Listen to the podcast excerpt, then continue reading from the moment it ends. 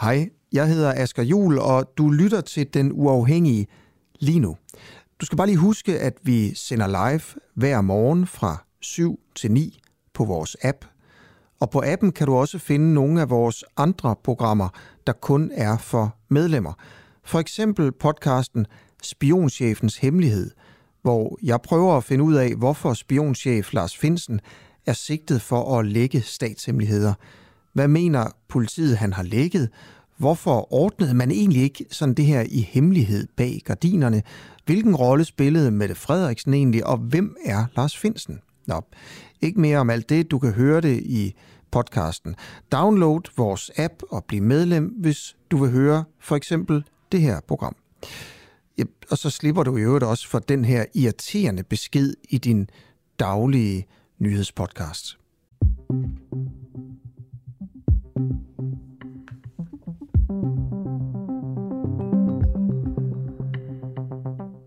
Velkommen til en uafhængig morgen med Camilla Boraki.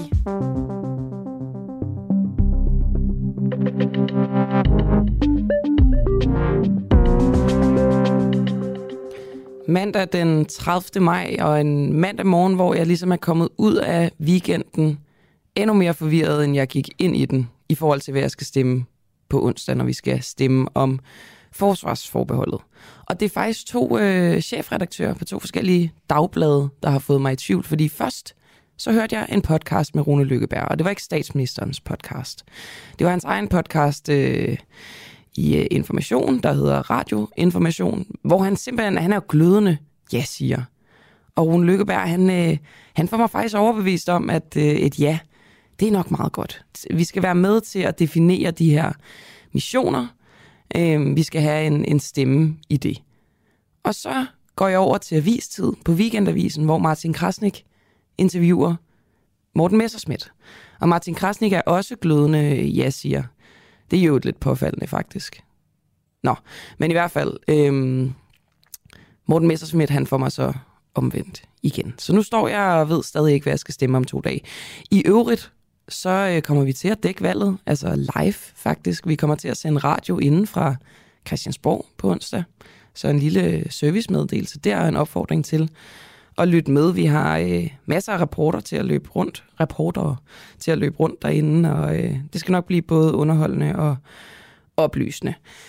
Og programmet i dag, der, øh, der har vi simpelthen valgt at sætte fokus på fodlænker i kølvandet på, at Inger Støjberg jo har smidt fodlænken og holdt fest i den anledning. Øhm, så kom vi til at tale om på redaktionen, hvad, hvad er det her med fodlænke egentlig? Hvad er det for en slags straf?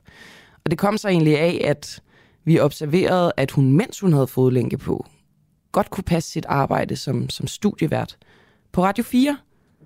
Og så tænkte vi, jamen, mm, vi troede lidt, at man var buret inde i sin lejlighed, men det er vist ikke tilfældet. Så vi graver lidt ned i, hvad det vil sige at have fodlænke på.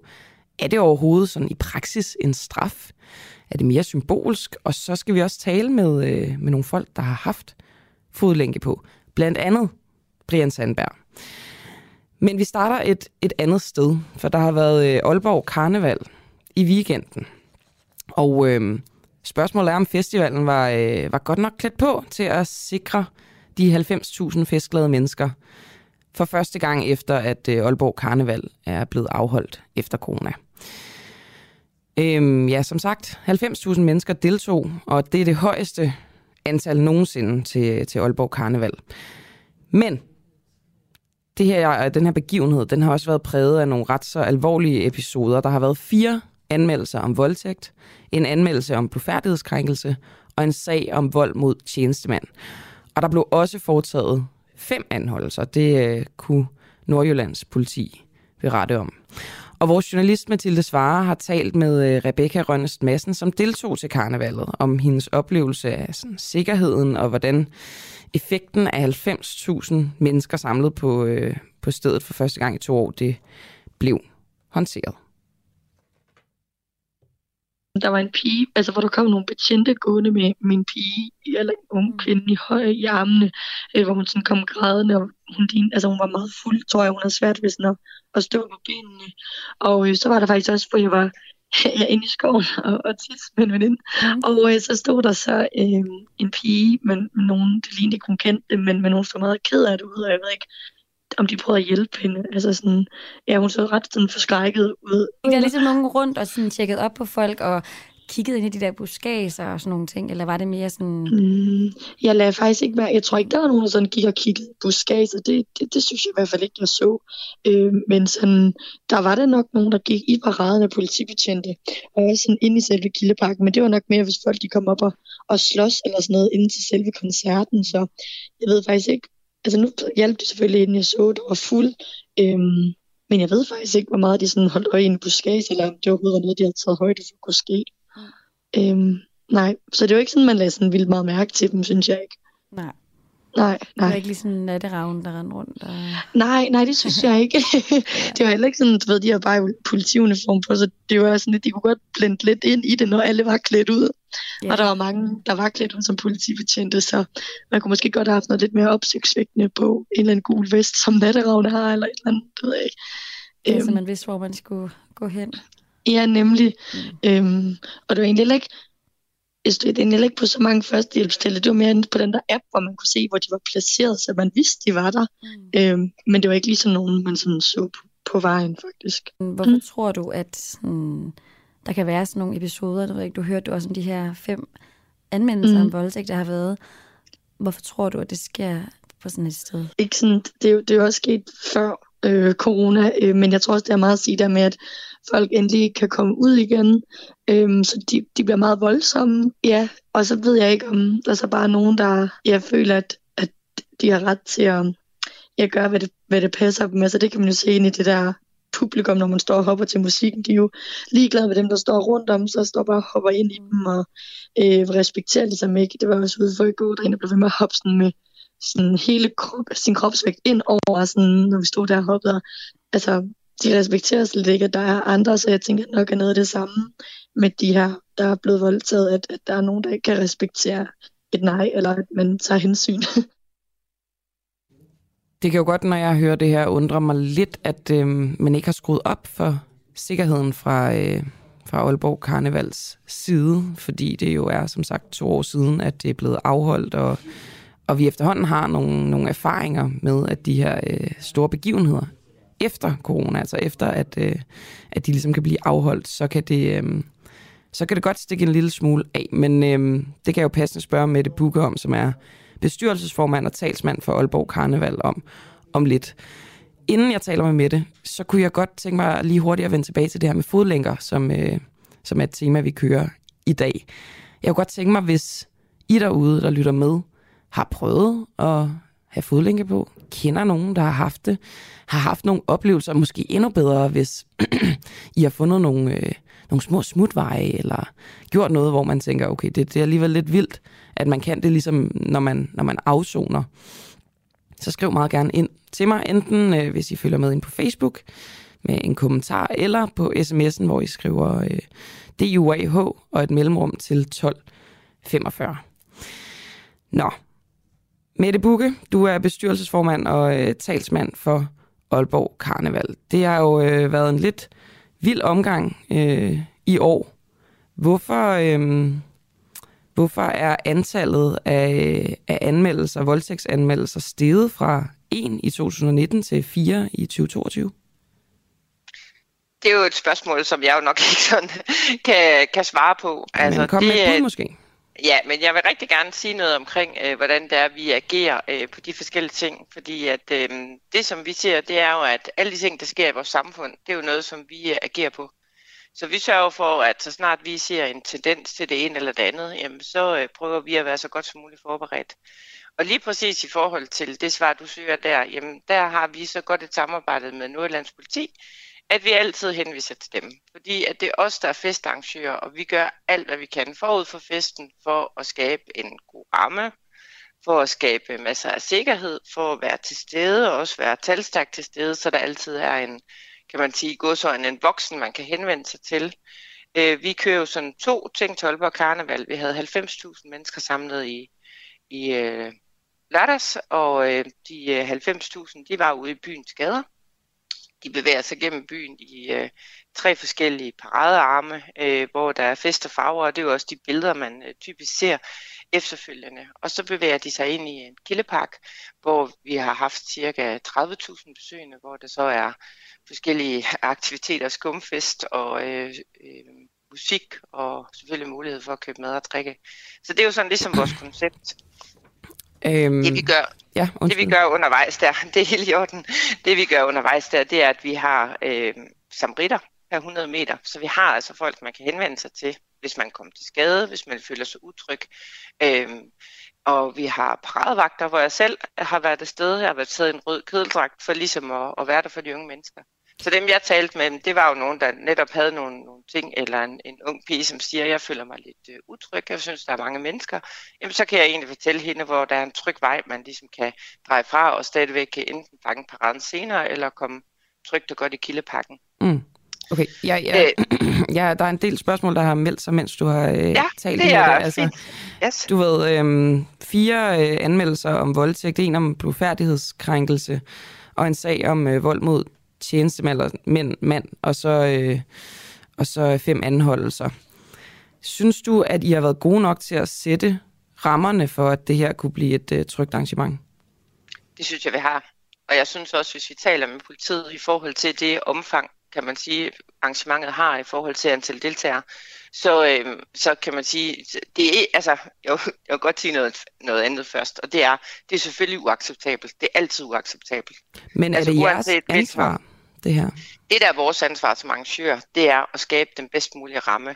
Og det ansvar, der ligger så i at tage sig i af de her ting, det er Nordjyllands politi. Men, men peger det her på, at I har været gode nok til at sætte de her rammer? Altså hvis man tager det i betragtning, hvad der er, hvad der er sket, tænker du så Det- som bestyrelsesformand, at I har været gode nok til at sætte de rammer? det jeg synes øh, som bestyrelsesformand, kan man sige, men også som menneske, det er jo igen, som jeg siger, jamen, der er jo ikke noget af det her, som er ok. Vi skal alle sammen kunne gå til fest, uden at være øh, bekymret. Vi skal gå til fest og føle sig trygge.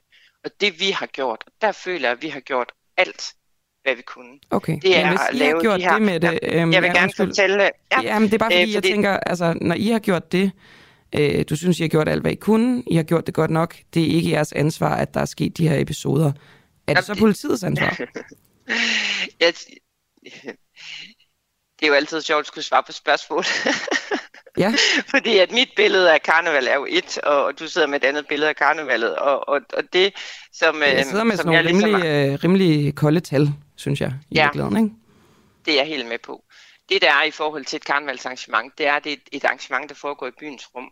Når vi kigger på den fest, vi har i paraden og i Kildeparken, paraden slutter om eftermiddagen. Da vi stopper paraden, der, øh, der var der faktisk ingen tilfælde. Der melder øh, politiet om en, en god parader og en god bevægelse i, igennem byen. Og der var alle i paraden kl. 16.30. I vores kildepakke sker der heller ingenting. Der har vi også en god ramme. Det der jo er med et karneval, det er, at det er en byfest. Og, og det der er svært for os som arrangører, det er at sige, de ting, der sker i byens rum, de ting, der sker omkring det her karneval, det er svært for os at, im- altså, at, at, at gøre noget i forhold til det.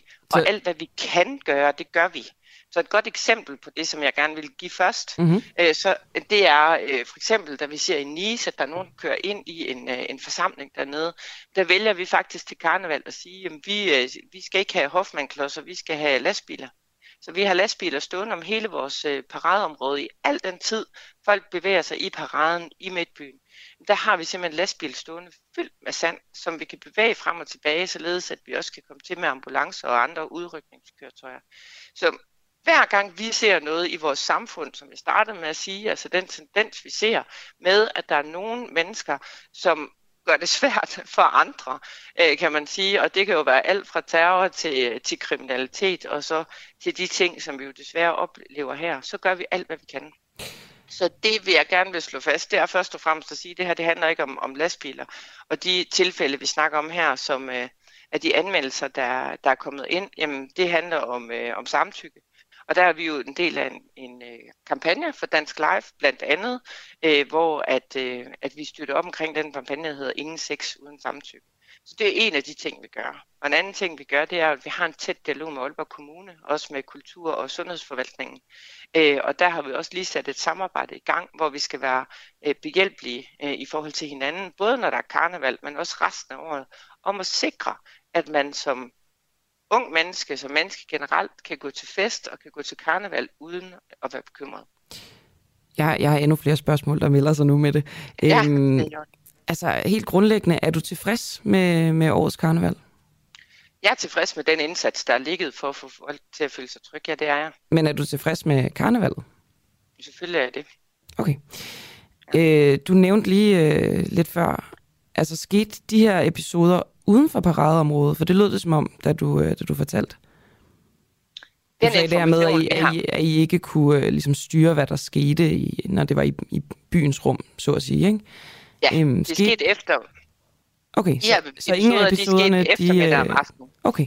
okay, så ingen skete til paraden? Nej. Okay. Øhm, vi har en lytter, der skriver, øh, det er Jane Eskilsen, hun skriver, det er da ikke arrangørernes ansvar, når nogen bliver voldtaget, det er da dem, der voldtagers ansvar. Og det er jo rigtigt nok. Men jeg tænker alligevel, om, om, om I som, øh, som organisation, altså øh, du siger selv det her med, at I skal sætte rammerne, ja. at I trods alt, hvad skal man sige, er med til at skabe en stemning, ikke som nødvendigvis afføder en voldtægt, men du ved, en stemning, hvor folk kan føle sig utrygge, og hvor der, der ja. ikke er så meget kontrol. Ja. Så, så altså, har I ikke et eller andet ansvar i det her? Øhm, det er jo igen det at sige, jamen, nu har jeg været med til karnevalet i rigtig mange år, og det som karneval faktisk normalt er kendt for, det er faktisk, at vores deltagere er meget omsorgsfulde at de er gode til at passe på hinanden. At øh, det første, man ligesom hører, når man til karneval, det er fælles ud, fælles hjem. At vi følges af. Vi har lige lanceret en app, hvor at man kan øh, tagge sine venner, sådan at man kan følge, hvor er de henne. Så hvis jeg lige pludselig står og mangler Sofie eller Katrine, så kan jeg se lige præcis, hvor de bevæger sig. Øh, og det er jo også en, en tryghedsskabende faktor. Der har man også en chat, som man kan bruge, hvis øh, man har mange mennesker samlet. Det ved vi godt, når vi er til festivaler og koncerter og lignende så er ikke altid telefonnettet, det kan følge med. Øh, og her kan man faktisk chat, øh, kan man sige, udenom om telefonnettet. Og det er jo, det er jo rigtig også... gode indsatser, men, men det er jo som om, det ikke rigtig har virket, når der alligevel er en, en stigning i for eksempel anmeldelser af voldtægt. Det, det kan vi ja, det er fuldstændig rigtigt. Det er vi fuldstændig ret i, og det kan vi jo, vi kan jo kun gøre vores bedste. Altså, og det er jo det, jeg mener, når jeg siger, at vi gør alt, hvad vi kan. Altså hver år har vi lanceret noget nyt i forhold til at skabe den her tryghed. Hver år har vi gjort noget ekstra i forhold til at kommunikere. Hver gang vi møder nogen, som er kritiske i forhold til at sige, har I gjort nok, så kigger vi indad, og så finder vi ud af, og det er jo også derfor, jeg med, med kan man sige, med ro i maven kan sige, vi har gjort alt, hvad vi kunne. Kunne vi have gjort mere? Selvfølgelig kunne vi det. Okay. Der var masser af ting, vi kunne have gjort. Øhm, men det har ikke været ting, vi har været, haft øje på. Nej. Og nu hvor vi har øje på dem, jamen så kan vi gøre mere. Og det er jo, det er jo sådan, det er som menneske nogle gange, at, at man må kigge på og sige, jamen vi synes faktisk, at vi var rigtig godt klædt på. Og det, det kan Æh, godt være, at du har sagt det før, men hvad, hvad tror du så, det skyldes? Altså, hvis det ikke er en manglende indsats fra jeres side? At det sker. Ja, at, at der er en stigning i, ja. i antallet af voldtægtsanmeldelser. Altså, der tror jeg desværre, jeg må sige, øh, men det er jo så helt min egen, for, egen personlige regning, at når vi ser, at for eksempel Dansk Live, som vi også er medlem af, når vi ser, at Sundhedsstyrelsen sammen med, det har også været Roskilde Festivalen, der ligesom er gået forrest i den, laver en kampagne, der hedder Ingen sex uden samtykke. Øhm, så tænker jeg, at det er fordi, at vi har et stigende problem. Øhm, og, og det er jo et problem, som selvfølgelig er vores som, som arrangører, men også som er et fælles problem. Og det er derfor, vi også vælger at gå ind i nogle af de her kampagner. Så jeg, øh, jeg kan påtage mig ansvaret for vores arrangement og kan sige, at vi føler, at vi gør vores ypperste. Vi gør vores absolut bedste for at imødekomme, kan man sige, alle de udfordringer, der måtte være omkring det. Især de her ting, hvor vi skal passe på de unge mennesker. Det ligger mit hjerte meget nært. Hvor mange flere og... Øh, paradevagter havde I kontra øh, sidst I afholdt karneval? Vi havde dobbelt så mange som sidst. Okay. Ja, okay. det havde vi. Så hvor, hvor mange er det? Jamen altså, vi har, øh, kan man sige, det måske være lidt svært at, at overskue. Vi har de her tre paradearme, og i dem har vi motoriserede køretøjer. Og vores største i, i godsøjen bekymring forud for karnevalet, det er jo selvfølgelig, at der at vi skal sikre, at de her køretøjer kommer godt igennem byen, fordi at folk de går meget tæt. Så det vil sige, at omkring de her køretøjer, der har vi faktisk nedsat 10 vagter per køretøj. Øh, og imellem dem går der så øh, paradevagter. Så har vi samaritter, de har været nedsat per 10 meter, øh, og samaritterne er jo både, kan man sige, øh, i stand til at tage sig af sårskader og lignende, men det er jo også nogen, som man kan henvende sig til, hvis man har brug for beredskab. Så har man brug for en civilbetjent, en brandbil, en ambulance eller hvad som helst, jamen så er det også der, man kan henvende sig. Grunden til, at jeg fedter lidt rundt i det her med øh, placering af ansvar, det er jo også, øh, fordi jeg tænker, det er nødvendigt i forhold til at hvad skal man sige, sikre sig, at det ikke sker igen. Ja. Men er det, er det ja. rigtigt forstået, hvis du mener, at ansvaret ligesom er en kultur? Øh, mere end at man kan sige, at det, det er jeres ansvar, eller det er politiets ansvar? Jamen, vi er en del af en kultur, så vi tager det ansvar. Altså det at skabe en kultur omkring at gå til fest på den gode måde, og det kan jo handle om samtykke, det kan handle om alkohol, det kan handle om, om mange forskellige ting. Så stoffer er selvfølgelig også noget, som, øh, som vi bare siger klart nej til. Mm. Altså der er jo rigtig mange ting, som vi ser i, øh, Øh, i, i ungekulturen i dag, som, øh, som der er rigtig mange unge mennesker, der er gode til at holde fest, men der er også nogen, som, som holder fest på en uhensigtsmæssig måde, øh, og, og dem skal vi simpelthen, dem skal vi i kontakt med, dem skal vi kommunikere med, dem skal vi have fat om, og det gælder Dansk Live, kan man sige, det gælder Aalborg Karneval, det gælder Nordjyllands Politi, det gælder alle dem, som har mulighed for at gøre en indsats, men det gælder også, også hver især. Altså, jeg har selv børn, og, og jeg har også et ansvar for at sikre, at det er dem, der kommer godt ud og, og godt hjem, men også at de opfører sig ordentligt, når de er ude. Mm. Alright, øh, Mette Bukke, bestyrelsesformand, mand og bestyrelsesfor kvinde, vel egentlig. Nå, og øh, talsmand for Aalborg Karneval. Tak fordi du var med her. Det var så lidt. Og god dag. Tak, og i lige måde. Det der, det er efterhånden blevet en signatur for mig at sætte den forkerte jingle på. Nu kommer den rigtige. Og så kan jeg lige tage lidt øh, nyheder. Tyskland afsætter 100 milliarder euro til at forny militæret. Allerede tilbage i februar, tre dage efter Ruslands invasion af Ukraine, kom den tyske kansler Olaf Scholz med beskeden om, at Tyskland skulle opruste militæret med 100 milliarder euro. Og efter øh, flere ugers forhandlinger har regeringen og oppositionen nu endelig besluttet at afsætte de mange penge til det tyske militær. Beløbet det svarer til sådan cirka 750 milliarder danske kroner. Med den nye aftale så kommer Tyskland til at leve op til NATO's mål om at bruge 2% af landets bruttonationalprodukt på forsvar. CNN skriver, at øh, et russisk øh, skib ankommer til Syrien med korn, der angiveligt skulle være blevet stjålet fra Ukraine. Nye satellitbilleder viser, hvordan et russisk fragtskib, der er lastet med korn den 27. maj, ankom til den syriske havn Latakia. Latakia. Kornet, der var ombord på skibet, er angiveligt stjålet fra Ukraine, lyder det fra CNN. Det er samtidig øh, skibet Matros Pushnich anden tur inden øh, for de sidste fire uger. I de ukrainske myndigheder de ukrainske myndigheder har ifølge CNN tidligere estimeret, at de russiske styrker i de belejrede områder har stjålet mere end 400.000 ton korn. Ifølge CNN er korn en attraktiv vare for fat i, da det vil kunne sælges for omkring 400 dollar, knap 2.800 kroner per ton. Nu, øh, nu vender vi øh, snuden imod noget, vi har øh, brugt en del tid på her i programmet. Øh, det er et interview med en dansk Ukraine-kriger ved navn Jonas. Det hedder han ikke rigtigt, men det er det navn, vi har givet ham. Og øh, det klip, vi skal høre nu, det handler om souvenirs, og nærmere bestemt, hvilke souvenirs Ukraine-krigere tager med sig hjem til Danmark. Øhm, Jonas her, han tog oprindeligt afsted for at blive en del af øh, den internationale legion i Ukraine. Men så valgte han så at melde sig ud af legionen, fordi han synes det var for useriøst. Og det er min kollega Clara Vind, der har snakket med øh, Jonas, efter at han kom hjem til Danmark. Og i øh, den interviewbid, som du skal høre nu, der fortæller Jonas om nogle forskellige genstande, som han har taget med hjem fra Ukraine. Vi kan jo starte med det objekt, der ligger foran dig nu. Ja, øh, jeg ved faktisk ikke, hvad den hedder, men øh, det er taget fra et russisk våben. Du kan sætte den på siden af din AK, hvor du så kan sætte et, sigtekorn ovenpå. Øh, jeg brugte den ikke, fordi det kan være, at jeg havde det var, altså, det var short range. Det var spild af, af sigtekorn. Men dem, der har de større rifler, øh, de bruger sådan en her. På den her, der vil jeg både kunne for eksempel få sigtekorn og, og lygte. Og var det bare et våben, der lå på jorden, du fandt? Ja, det var så fra en død russer, ikke? Okay, og hvor, hvorhenne var det? Det var der, jeg var udstationeret. Okay. Så, så det, det er et godt lille minde. Jeg kan bare ikke lade mig at tænke sådan, når du ser det, tænker du så ikke også på den russer, der lå der, eller ser du kun våbnet? Har du ikke også lidt den der, at du får et billede af den person, der lå med det? Jo, men nogle gange er det bare bedst at altså, lade være med at huske de ansigter der.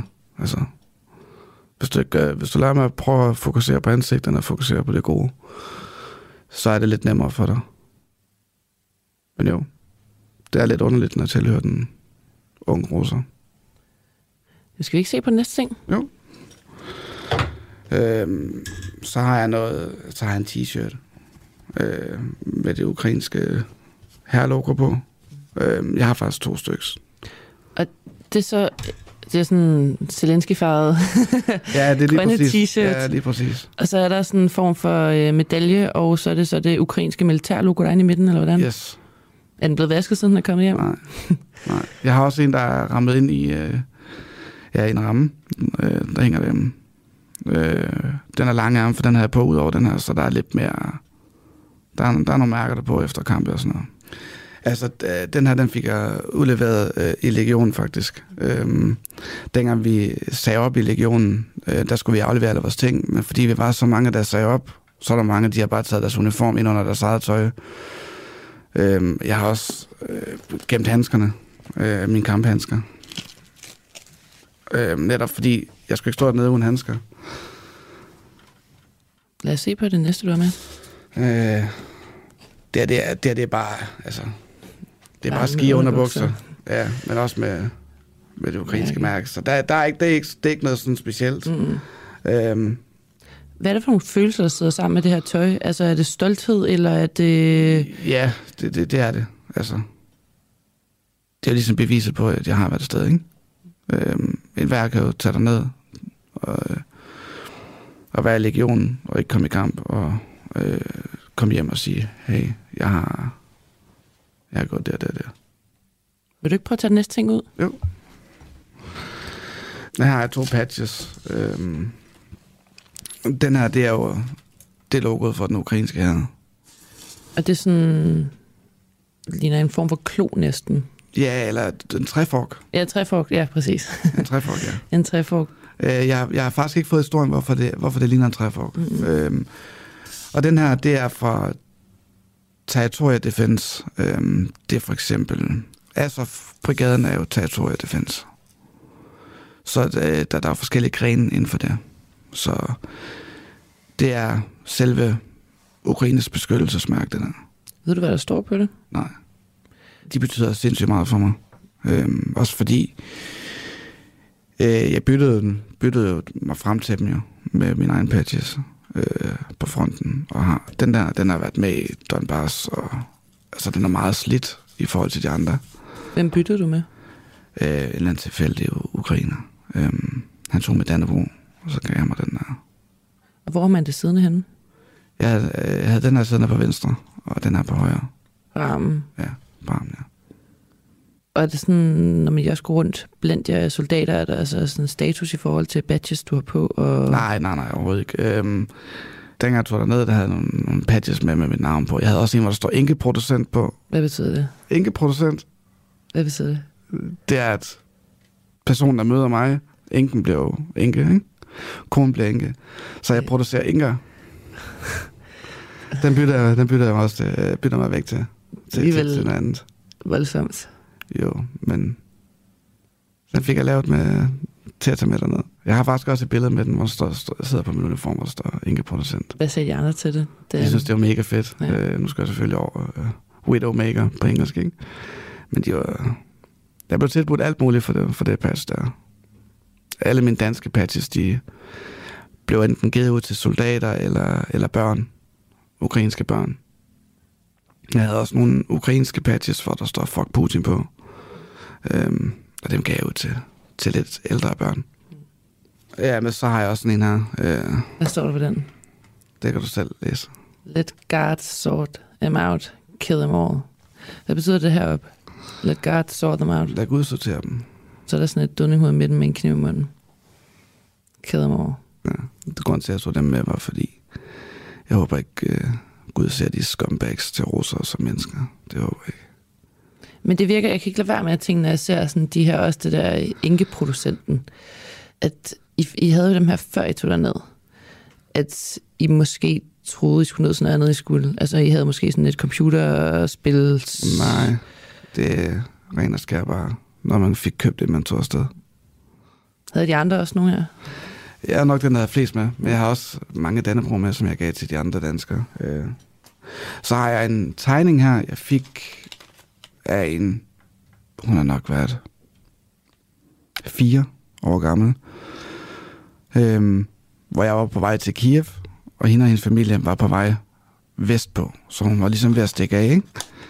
Øhm, og der har hun tegnet et tog, og så skrev hun en million et eller andet sted. Der, mm, en ja. million der, som om at en million er flygtet indtil videre. Det var meget rørende. Er hendes navn, der står her på hjørnet? Ja, jeg kan ikke rigtig læse det. Nesasika eller sådan noget. Hun tegnede til dig. Hvor mødte du hende øh, i Lviv? Ja, ved togstationen. Så hun spurgte over til mig og gav mig en tegning. Faren skulle så sende mig afsted og så selv tilbage til fronten, ikke? Så de var fire. Det, det var meget rørende. Tænker du tilbage på hende nogle gange også, hvordan hun har det? Jo, men hende ved, hun har det fint. Spørgsmålet er bare, om hun nogensinde kommer tilbage til sit hjemland. Øh, det er lidt der. Så, så har jeg min sidste pakke smøger. den er tom. Den er tom nu. Og så en 500 øh, ukrainske. Det er det. Det er det, jeg har, har gemt derfra. Har du stadig lyst til at tage afsted igen? Lige nu, der afventer jeg, hvad der sker med Finland og Sverige. Inden jeg angriber de Sverige eller Finland, så er jeg taget afsted samme dag. Om jeg så skal skære et hul i taget på min bil og sætte maskingevær der på, det er skide på. En ting er at angribe Ukraine. Det er mega pissed over. Og jeg forstår ikke, at der ikke sker noget mere ved, ved Putin, end der gør. Men at begynde at angribe Skandinavien, det er jo, ja, det var vores folkefærd. Prøv at tænke at have en badge på, hvor der står enkeproducent. Her var det altså øh, vores journalist Clara Vind i snak med den danske ukrainekriger Jonas.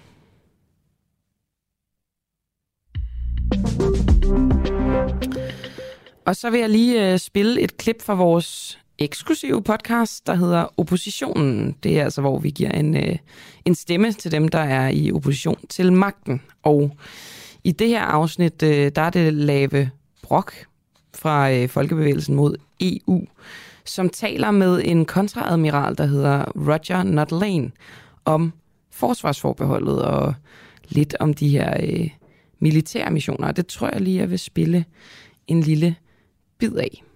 lately, just yesterday actually, um, the EU Commission President uh, Ursula von der Leyen and the, the President of the EU Parliament um, said that they actually want a supranational, uh, more uh, supranational decision-making process in the in the area of defense.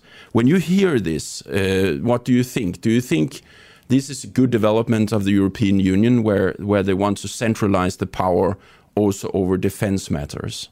This is nonsense. They've got that already. It's called NATO. If they'd only, if, if all these countries only paid the right amount of money that they should to NATO, and notwithstanding that many of them have not, the reality is that NATO has been their project protection, and the European Union able to call on the on the Americans if they get into trouble. The, the, the European Union have constantly been criticised for not actually doing enough, and that's why they are coming up with this latest idea.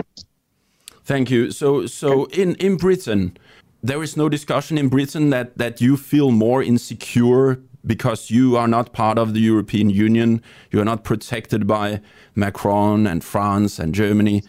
Um, is there a discussion no, about that in Britain? Uh, there is a, there is a discussion, a small discussion.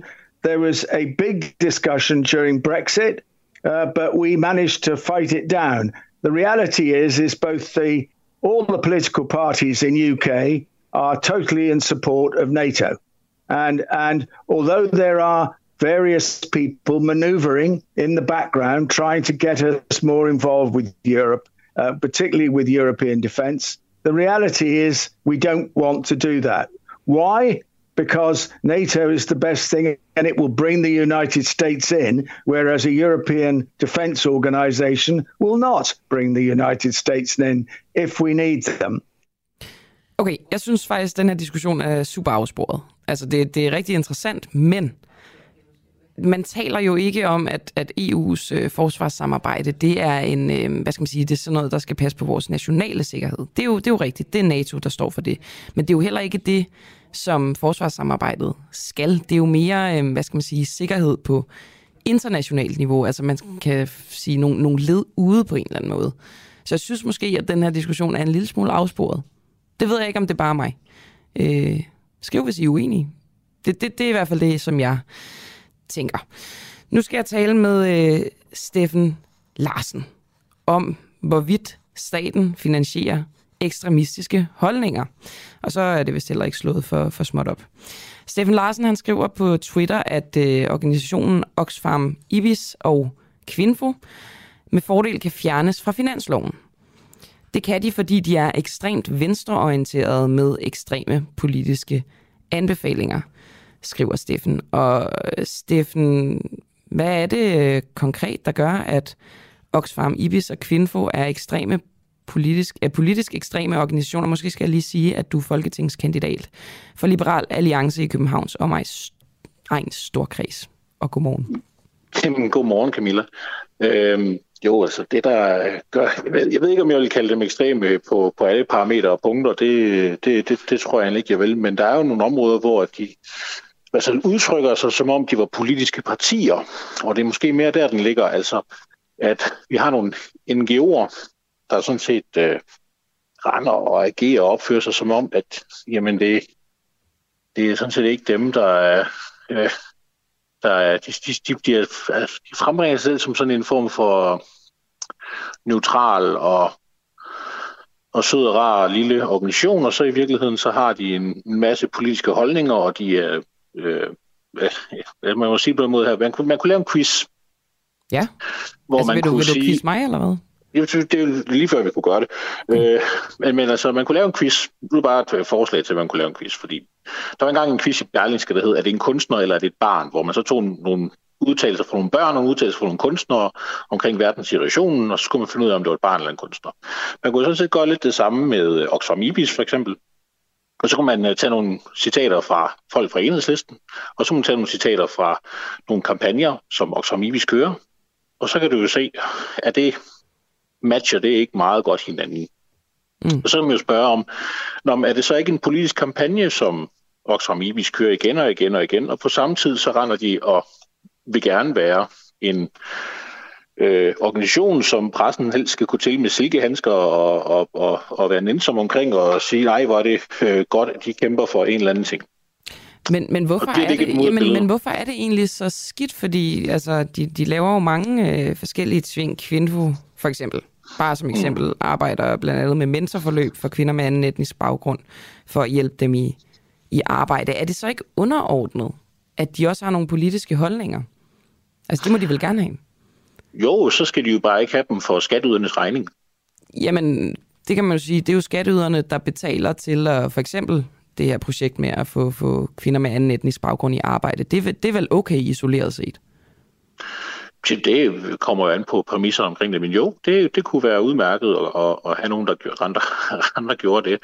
Men altså, vi har jo også øh, på samme tid øh, alverdens andre integrationsforløb, blandt, øh, blandt andet med rettet mod kvinder i kommunerne. Så, altså, så har vi kvindefo som sådan et ekstra lag. At, øh, skal det begrunde en kvindefo, at, vi, at vi, vi, vi gør det også der? Altså, øh, det ved jeg ikke. Øh, jeg synes, jeg synes umiddelbart, at når man har nogle organisationer, som, som kommer med for eksempel øh, ja, i min verden stort set ufortyndet øh, marxistisk nonsens ud i, i, i verdenssamfundet, jamen skal de så finansieres og betales af, af alle mulige andre. Jeg tænker bare, at der er vel et, der er ligesom holdningerne, og så er der noget andet, der er aktiviteterne. Og så længe aktiviteterne er gavnlige for samfundet, så er det vel okay, at de er på finansloven? Det øh, vil jeg sådan set øh, gerne have lov til at udfordre jo. For, for spørgsmålet er jo, om holdningerne og aktiviteterne kan adskilles. Kan de? Det har jeg svært ved at se, hvordan de kan blive altid. Kan du altså, give mig det... et eksempel på det? Øh, lad, os, lad os tage øh, Oxfam IBIS. Øh, de vil jo gerne øh, fremstå som sådan en organisation, som øh, er en øh, både nødhjælps, men også en øh, organisation, som skal tage sig af hvad hedder det, øh, udviklingsarbejde i den tredje verden, for eksempel.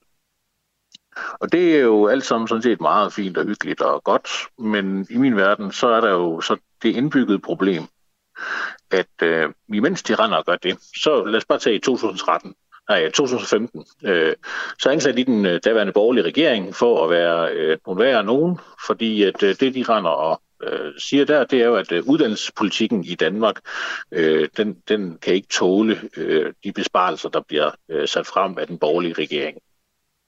Øhm, og er det en, ud, ud, altså en udviklingspolitisk organisation, der skal sige den slags ting, eller, eller hvem er det, der, der, der, der skulle gå ud med det? Øh, der, der bliver det sådan lidt, fordi det mudrer jo billedet. Hvorfor har øh, udviklingspolitiske organisationer interesse i, at øh, den danske universitetspolitik den er indrettet på en specifik måde? Det, bliver, det synes jeg, det, det virker i min verden øh, lidt absurd.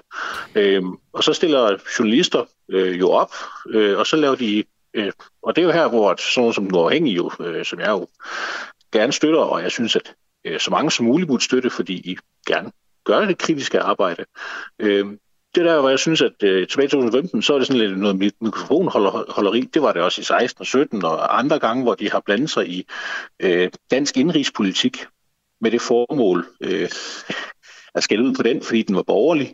Mm. Og så på samme tid, så står de her mennesker her og siger, jamen vi er en udviklingspolitisk organisation, som uh, arbejder for at forbedre forholdene i tredje verden. Jamen, hvordan forbedrer det forholdene i, lad os bare sige, Afghanistan, eller Syrien, eller Yemen, eller øh, et eller andet sted, øh, ved at man render og skal ud på en dansk borgerlig regering over en øh, uddannelsespolitik, som på ingen måde påvirker den tredje verden. Steffen, er der ikke nogen øh, organisationer på finansloven, som er øh, blot orienteret? Kan du nævne nogen? Det kan jeg ikke. Nej, så der, jeg, kan, jeg kan heller ikke lige komme på nogen umiddelbart. Okay, jeg tænker bare, at det, det må der måske nødvendigvis være. Det kunne godt være, at du havde altså, det, tjekket det, op det, på det, fordi det er egentlig også bare lige for at forstå dig det ret. Nærmest, det nærmest, vi kan komme, det er vel det økonomiske råd. Ja, Ja. Også, ja. ikke? Altså, det, det, ved men det, jeg, det, vil, det, det vil det nærmest, vi kan komme nogen, som, som en gang imellem kan, kan komme med en borgerlig anskuelse. Det gør de udelukkende ud som fagøkonomer, når de siger, at øh, ja, det, det, er ikke, det er ikke for smart at hæve skatten for meget, fordi men, så, øh, men så, så, skulle, så får vi færre penge i kassen. Ikke? Men hvis der skulle finde nogen, findes nogen, der var blot orienteret, ville du så også mene, at de skulle øh, tage sig af finansloven? Øh, ja, det er principielt. Jeg synes sådan set, at hvis man vil rende og lege et politisk parti, så skal man stifte et politisk parti, og så skal man stille op til valg, og man skal forsøge at få sin indflydelse igennem som politisk parti. Så skal man ikke rende og prøve at uh, lave uh, policy igennem uh, sit udviklingsarbejde, eller igennem uh, det at, at rende og være en, en eller anden uh, organisation, ligesom en kvindefo, som, som postulerer også, at uh, nej, vi er sat med sådan neutrale, så neutrale, men på samme tid, så er det ufortyndet marxisme, man hælder ud, og det, det er fint nok. Kan du, kan du lige give et, et, et eksempel? Eksempel fra Kvinfo på den der ufortynede marxisme? Jamen, altså, de går jo for eksempel ind og støtter øh, intersektionel, øh, øh hvad det, intersektionel feminisme i, øh, som jo er sådan et, øh, et eller andet øh, udløberprodukt af, af en marxistisk tænkning, ikke? Og hvor at, øh, lige meget hvad, så, så er der jo altid øh, nogen, der skal være nogle skurke, fordi ellers så fungerer øh, tænkningen ikke. Øh, og så er det jo på øh, blevet sådan en kollektivisering, så siger man, jamen øh, så er det jo så øh, alle mænd, eller i hvert fald øh, særligt hvide mænd, der er nogle, der er nogle slyngler, ikke? Øh, uagtet hvad det individ, eller hvad individet reelt set går og gør. Ikke? Øh, Steffen, så sådan nogle ting. Da du skrev det her med, med blandt andet Oxfam Ibis, ikke, så, så kunne jeg ikke lade være med at tænke på, om, øh, om det også kom i kølvandet for den her nye analyse, som, altså fra Oxfam Ibis, som viser en formueskat for de absolut rigeste kunne have givet 16 milliarder kroner i statskassen i 2021. Altså bare 1 procent ja. øh, højere formueskat. Så er det her ikke bare, fordi du er lidt provokeret på en eller anden måde? Jeg går ud fra som øh, en, der er medlem af Liberal Alliance. Ja, altså, så, for, så er det ikke lige... Formueskat er utrolig skadeligt. Jamen det er det. Så, så er det, det er handler det ikke mere om, om, om det her? Er det ikke en, øh, en vendetta, fordi de er kommet med den her analyse?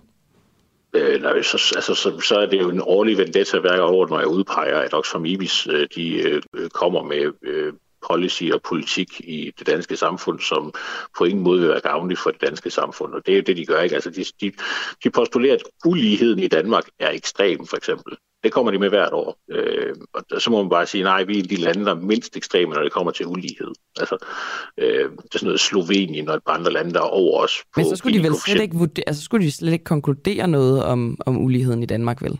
Fordi det vil vel Jamen, altså, altid være farvet i en eller anden retning? Ja, også, altså, hvis din udviklingsorganisation, der primært skulle tage sig af den tredje verden, så er det også mærkeligt, at du fokuserer så meget på dansk politik og dansk indrigspolitik. Du, du tror simpelthen, de har en, øh, en klar agenda? Ja, det, det skriver de selv, så det behøver jeg ikke tro, de har. De skriver jo blandt andet selv, at de vil have hvad det, øh, ligheden til at være højere, også i det danske samfund, og de gerne vil have øh, hvad det, ligheden på globalt niveau til at være højere. Øh, uanset nærmest omkostningerne, så er de jo meget optaget af, at man bare skal omfordele en masse penge, uanset om det så også vil betyde, at øh, mennesker bliver fattigere generelt i hele verden. Det lader til at være sådan en af de der øh, primus øh, motorer, som de kører med. Det er jo, at uanset hvad vi gør, bare det øh, mennesker øh, uligheden, så er det godt. Det vil sige, at man, man vil hellere skade de rige, end man vil øh, hjælpe de fattige, og det virker mærkeligt, hvis man er en udviklingsorganisation i min verden. Vi har fået en uh, sms, som jeg synes er ret, ret sjov faktisk, og som nok også ligger sig lidt op af dig, Steffen. Det er en, der skriver, hvis Cepos begyndte at samle skrald, ville det så være okay, at de kom på finansloven? Det er vel egentlig sådan noget, der Nej, det vil, jeg ikke, det, vil, det, det, vil jeg ikke, det vil jeg ikke mene, det vil være fuldstændig Ja, jeg tror også, jeg tror også det er lidt, det, lidt ironisk. Det, igen, jo, jo, men igen, princip, princippet er, er det samme. Jeg mener for eksempel også, at uh, mediestøtten skal afskaffes. Så den, uh, den, ja, det kunne den, jeg forestille mig. Den kan, Fordi der den kan man jo også, også godt argumentere for, at der er noget politisk slagside ved, ved nogle altså, af dem, jeg vil for, påpege, at både Berlingske og hun har øh, slagside hver sin retning. Ikke? Altså det, det, det er der vel ikke nogen, der er i tvivl om, at Berling, øh, Berlingske er et borgerligt medie, og information er et venstreorienteret medie. Og den var rundt til, vil det siger, jamen det, så, altså, vi burde ikke rende og støtte dem. De skulle da få øh, pengene fra deres øh, øh, ly, læsere og lyttere og så videre. Ikke? Ligesom den uafhængige gør. Det ville jo være helt fantastisk, hvis vi havde et øh, frit marked for medier, og ikke opkrævet en hel masse penge fra borgerne, som de så ikke kunne bruge på medier selv, men til gengæld så blev tvangsuddelt bagefter af staten. Som talt af en uh, sand folketingskandidat for Liberal Alliance, Steffen Larsen. Tak fordi du var med. Ja tak. Hej. Hej. Du lytter lige nu til Den Uafhængige. Danmarks måske mest kritiske, nysgerrige og levende radio. Hvis du har en god idé til en historie, så skriv til os på Facebook eller send os en mail. Adressen finder du på hjemmesiden.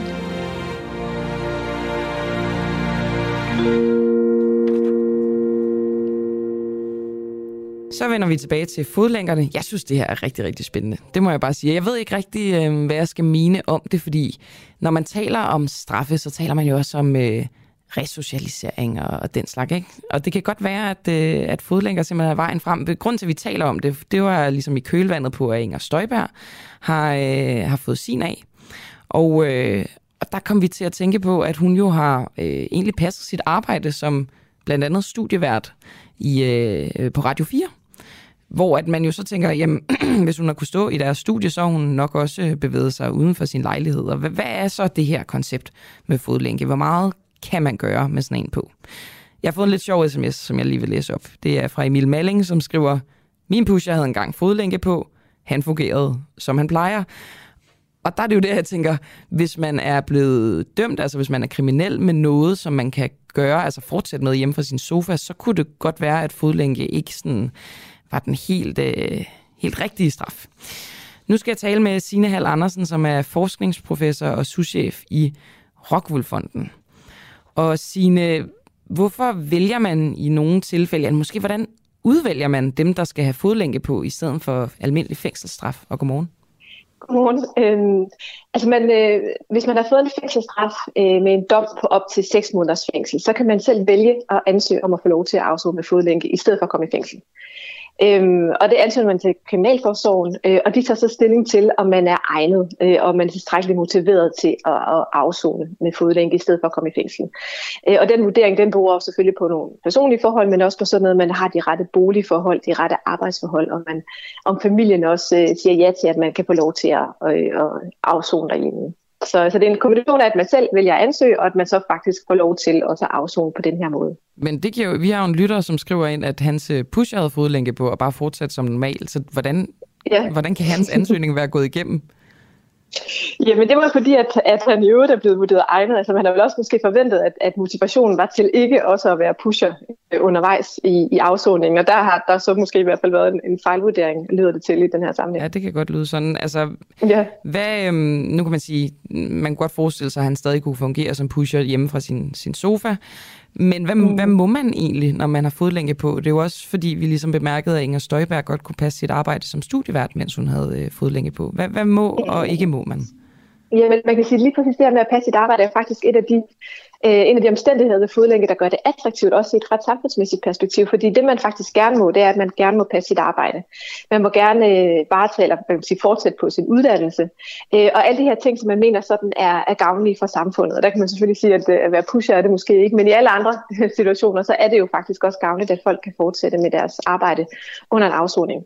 Men derudover, så, så øh, aftaler man det, man kalder en aktivitetsplan med Kriminalforsorgen, som, øh, som specificerer, øh, jeg ved ikke om det er på, på 10 minutters interval, hvor man er i løbet af ugen. Øhm, og det er, at man er hjemme, eller man er på arbejde, eller i uddannelse.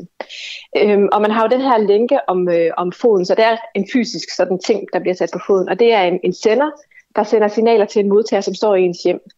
Og hvis man, øh, hvis man bevæger sig mere end, øh, end op til 40 meter væk fra den her modtager, så øh, binger det ud, så er der en alarm, der ringer hos, øh, hos Kriminalforsorgen, som siger, nu er man, er man væk fra senderen eller fra modtageren. Og hvis man er det i en periode, hvor aktivitetsskemaet siger, at man faktisk skal være hjemme, så, øh, så overtræder man vilkårene for at, at fodlænke afzone. Så man må i virkeligheden ikke særlig meget. Man skal følge det her schema, som specificerer, at man er hjemme, eller at man er ude på, sit arbejde, eller at man er i, i uddan- på sit uddannelsesinstitution. Må man også godt gå på café og til fest og sådan noget, så længe man ligesom oplyser øh, sine whereabouts til kriminalforsorgen? Nej, det må man ikke. Og man må heller ikke indtage alkohol eller narkotika. Øh, og så Men det kan de så det er... ikke se på altså, fodlænkningsovervågningen, om man gør? Nej, det kan de ikke, men der er de her, øh, hvad kan man sige, uanmeldte kontrolbesøg, hvor, hvor kriminalforsorgen kan dukke op og sige, at du skal lige lave en urinprøve, eller hvad der ellers kan være en måde, man finder ud af, om folk de har, de har drukket alkohol eller indtaget øh, euforiserende stoffer. Så man er sådan underlagt sådan en, en kontrol, som, øh, som både er den her fodlænke, men også at, at det i princippet hele tiden kan dukke op på ens bopæl og undersøge, om man øh, overholder de vilkår, der ligger for, at man kan afzone med fodlænke. Så principielt kan man fortsætte sit liv som normalt, bortset fra sociale aktiviteter må ikke foregå altså hvor som helst. Det skal helst foregå ja. derhjemme eller på arbejdspladsen. Øh, men man kan så også altså, arbejde, og så, ja, så er der så en del kontrol, kan man sige, men, ja. men man kan jo godt drikke alkohol og tage stoffer, hvis man tør. Altså, så tager man sådan en chance. Ja, hvis man tør. Ja, ja. men risikoen er jo, at man så bliver sendt i fængsel. Så, så man kan sige, det er, jo, det er jo en risiko, man løber, som, øh, som har nogle relativt store omkostninger. Ja. Øh, jeg kan ikke lade være med at sidde og tænke på, øh, at det lyder ikke særlig hårdt. Altså, vi har også en lytter, der hedder Carsten, som skriver, det, skan- det der er skandaløst, øh, at dømte og kriminelle stadig kan agere, øh, som for eksempel politikere, som sidder og laver lov for andre. Fodlænken er en latterlig mild straf. Og det lyder jo også mildt. Ja. Altså, ja. Så, så hvorfor gør man det her? Er det fordi, Jamen, at, øh, at resocialisering, rehabilitering er større, når man har fodlænke på, eller er det fordi, det er billigere? Jamen, der er, der er flere forskellige forhold i det, og, og det er billigere for samfundet at bruge fodlænke end at sende folk i fængsel. Øh, en fodlænkeafsoning koster knap 400 kroner per døgn, mens en fængselsplads koster mellem 1200 og 1900 kroner i døgnet. Så ja, det er billigere. Og ja, det er også øh, bedre for dem, der afsoner. Øh, de har Øh, der er flere af dem, der beholder deres arbejde. Der er flere, der øh, afslutter uddannelse. Der er færre, der bliver skilt. Øh, der er færre, der, der begår kriminalitet efterfølgende. Så, så det er også bedre for, for afsoner med, at den vej er det også bedre for samfundet. Altså vi har også brug for, at folk kommer tilbage og arbejder. Øh, at de får afsluttet deres uddannelse, at de har nogle stabile familieforhold. Så på den måde, så, så kan man sige, at, at, at det virker som et mildere straf, men, men straffen har jo mange forskellige funktioner, og vi har som samfund interesse i, at folk kommer ud og er, er, er, er gode, nyttige samfundsborgere efterfølgende. Og så vil jeg også lige knytte en ekstra kommentar, som er, at hvis man så spørger de her folk, der er fodlængeafzoner, så siger de fleste faktisk, synes, det er enormt hårdt. Den der form for kontrol, altså du simpelthen er i fængsel i dit eget hjem, at, at for nogen er det meget nemmere at komme afsted og være i fængsel, og så er tingene adskilt, så er familielivet og alt andet, det er derhjemme, og det er slet uberørt af den her afsoning. Øh, mens hvis du er i fodlænke, så bliver det hele blandet sammen, og du, du er underlagt den her total kontrol, som jo er langt mere omfattende, kan man sige, end den er, hvis du sidder i et fængsel. Så hvis du spørger fodlænkeafsonerne, så er det faktisk ikke en, en badeferie øh, afzone på den måde relativt til at komme i fængsel. Mm. Det, det, det lyder jo underligt for en, øh, en, en udforstående, Altså, det, det, ja. det er svært at forestille sig. Lige, lige til allersidst, Signe, er der en grænse for, øhm, altså, hvilke typer kriminelle, der kan, øh, kan få fodlænke? Tænker sådan øh, personfarlig kriminalitet og den slags. Kan de også få fodlænke på? Så det er, det er, hvis man har modtaget en fængselsdom på op til 6 måneders fængsel. Så det er simpelthen det, der er, der er kriteriet aktuelt. Det har ændret sig lidt over tid. Okay, så det er ikke øhm, typen af kriminalitet, det er længden af, af dommen? Det, da det startede, der var det kun færdselslovsovertrædelse for eksempel, som kunne, kunne udløse den her type afsoning. Øh, så det har ændret sig lidt sådan over tid, øh, hvad det er, der har kunnet udløse den her slags afsoning. Okay, interessant. Tusind ja. tak, fordi du var med, Signe Hall Andersen. Selv tak. Altså forskningsprofessor og souschef i Rockwool Fonden. Det er spændende det her med, at det, der er nogen, der synes, det er værre at være i fængsel, end at være derhjemme. Jeg tænker sådan, det, det var måske ikke så meget anderledes, end det vi oplevede under øh, første lockdown af corona.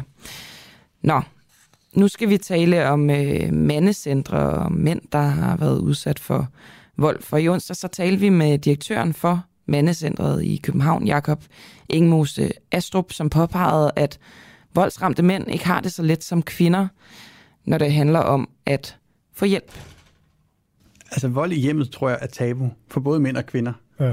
Øh, men, men man kan sige, hvor kvindebevægelsen har gjort et kæmpe arbejde for de sidste 40-50 år at bringe vold mod kvinder på dagsordenen og få det ud af privatsfæren og ind i sådan det offentlige rum, hvor det er et samfundsproblem, så mangler vi lidt det samme på mændene. Ja, her var det altså Jakob Ingmose Astrup. Og i går der talte vores journalist øh, Iben Skårup med en af de mænd, som har haft brug for hjælp, fordi han har været udsat for psykisk vold.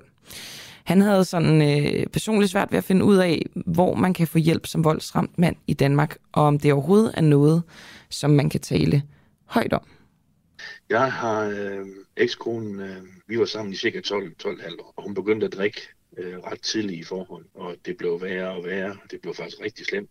Og så skete der det, at hun blev gravid, så holdt det hun op med at drikke. Og vi fik en datter, og det var dejligt at tænke, eller er dejligt.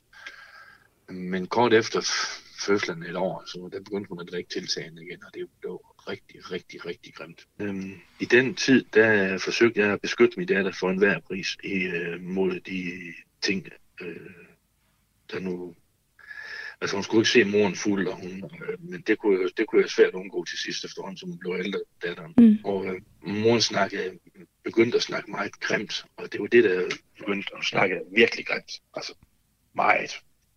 Hun kaldte mig, ikke datteren, hun kaldte mig nogle meget, meget grimme ting. Og hvorfor, hvorfor tror du, det er sådan her?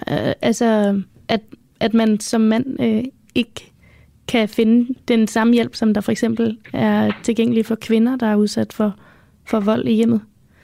Jamen, det er sådan, at mand det er jo det stærke køn. Det er ham, der går ud og slår dyr ihjel og får dem hjem, så han æder dem og parterer dem over. Jeg tænker så øh, han kan jo også nok lige håndtere en kvinde, der skriger. Ja. Du er mand, du kan nok sætte hende stolen for døren, bank hende på plads. Ja, det fik jeg at vide flere gange. Stik hende en lusie, sæt hende på plads. Så der er min egen familie. Sæt hende på plads. Så hvad mener du med det? Sæt hende på plads, det kan du nok regne ud. Så det kommer aldrig, aldrig til at ske, at jeg lægger hånd på. Fordi så, jamen så bliver jeg ligesom hende, sagde jeg så meget.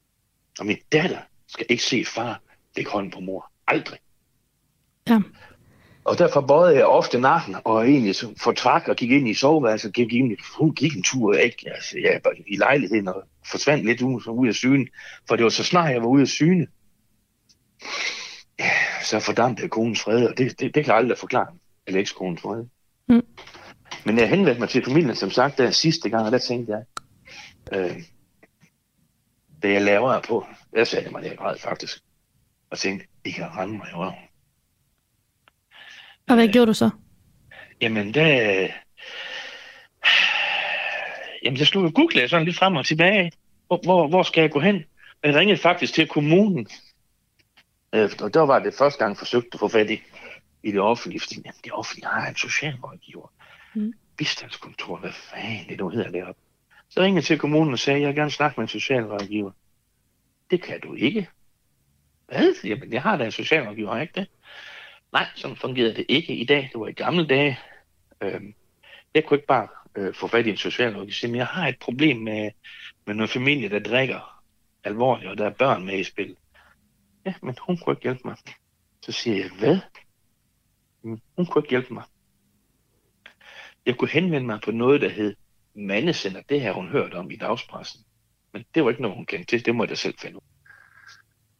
Og hvad, hvad vil være, hvis du kunne hvis du kunne sige til politikere, eller hvis du kunne få lov til på kommunen på en eller anden måde ja. at sige, hvad er det, at de skal blive bedre til at hjælpe mænd, som har stået i din situation med? Jamen altså, jeg kunne godt, kunne godt ønske mig, at, øh, at øh, de offentlige myndigheder ikke altid stolede 100% på det, en kvinde nødvendigvis fyrer af i sådan en, en, øh, skilsmissesag.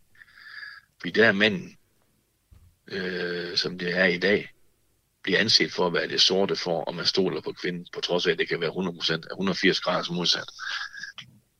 Øhm, ja.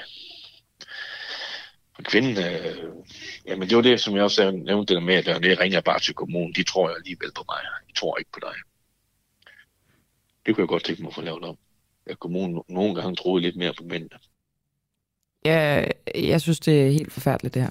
Øh, det var altså øh, Iben Skorup, som havde lavet et interview med øh, en mand ved navn Allan, som havde været øh, udsat for psykisk vold.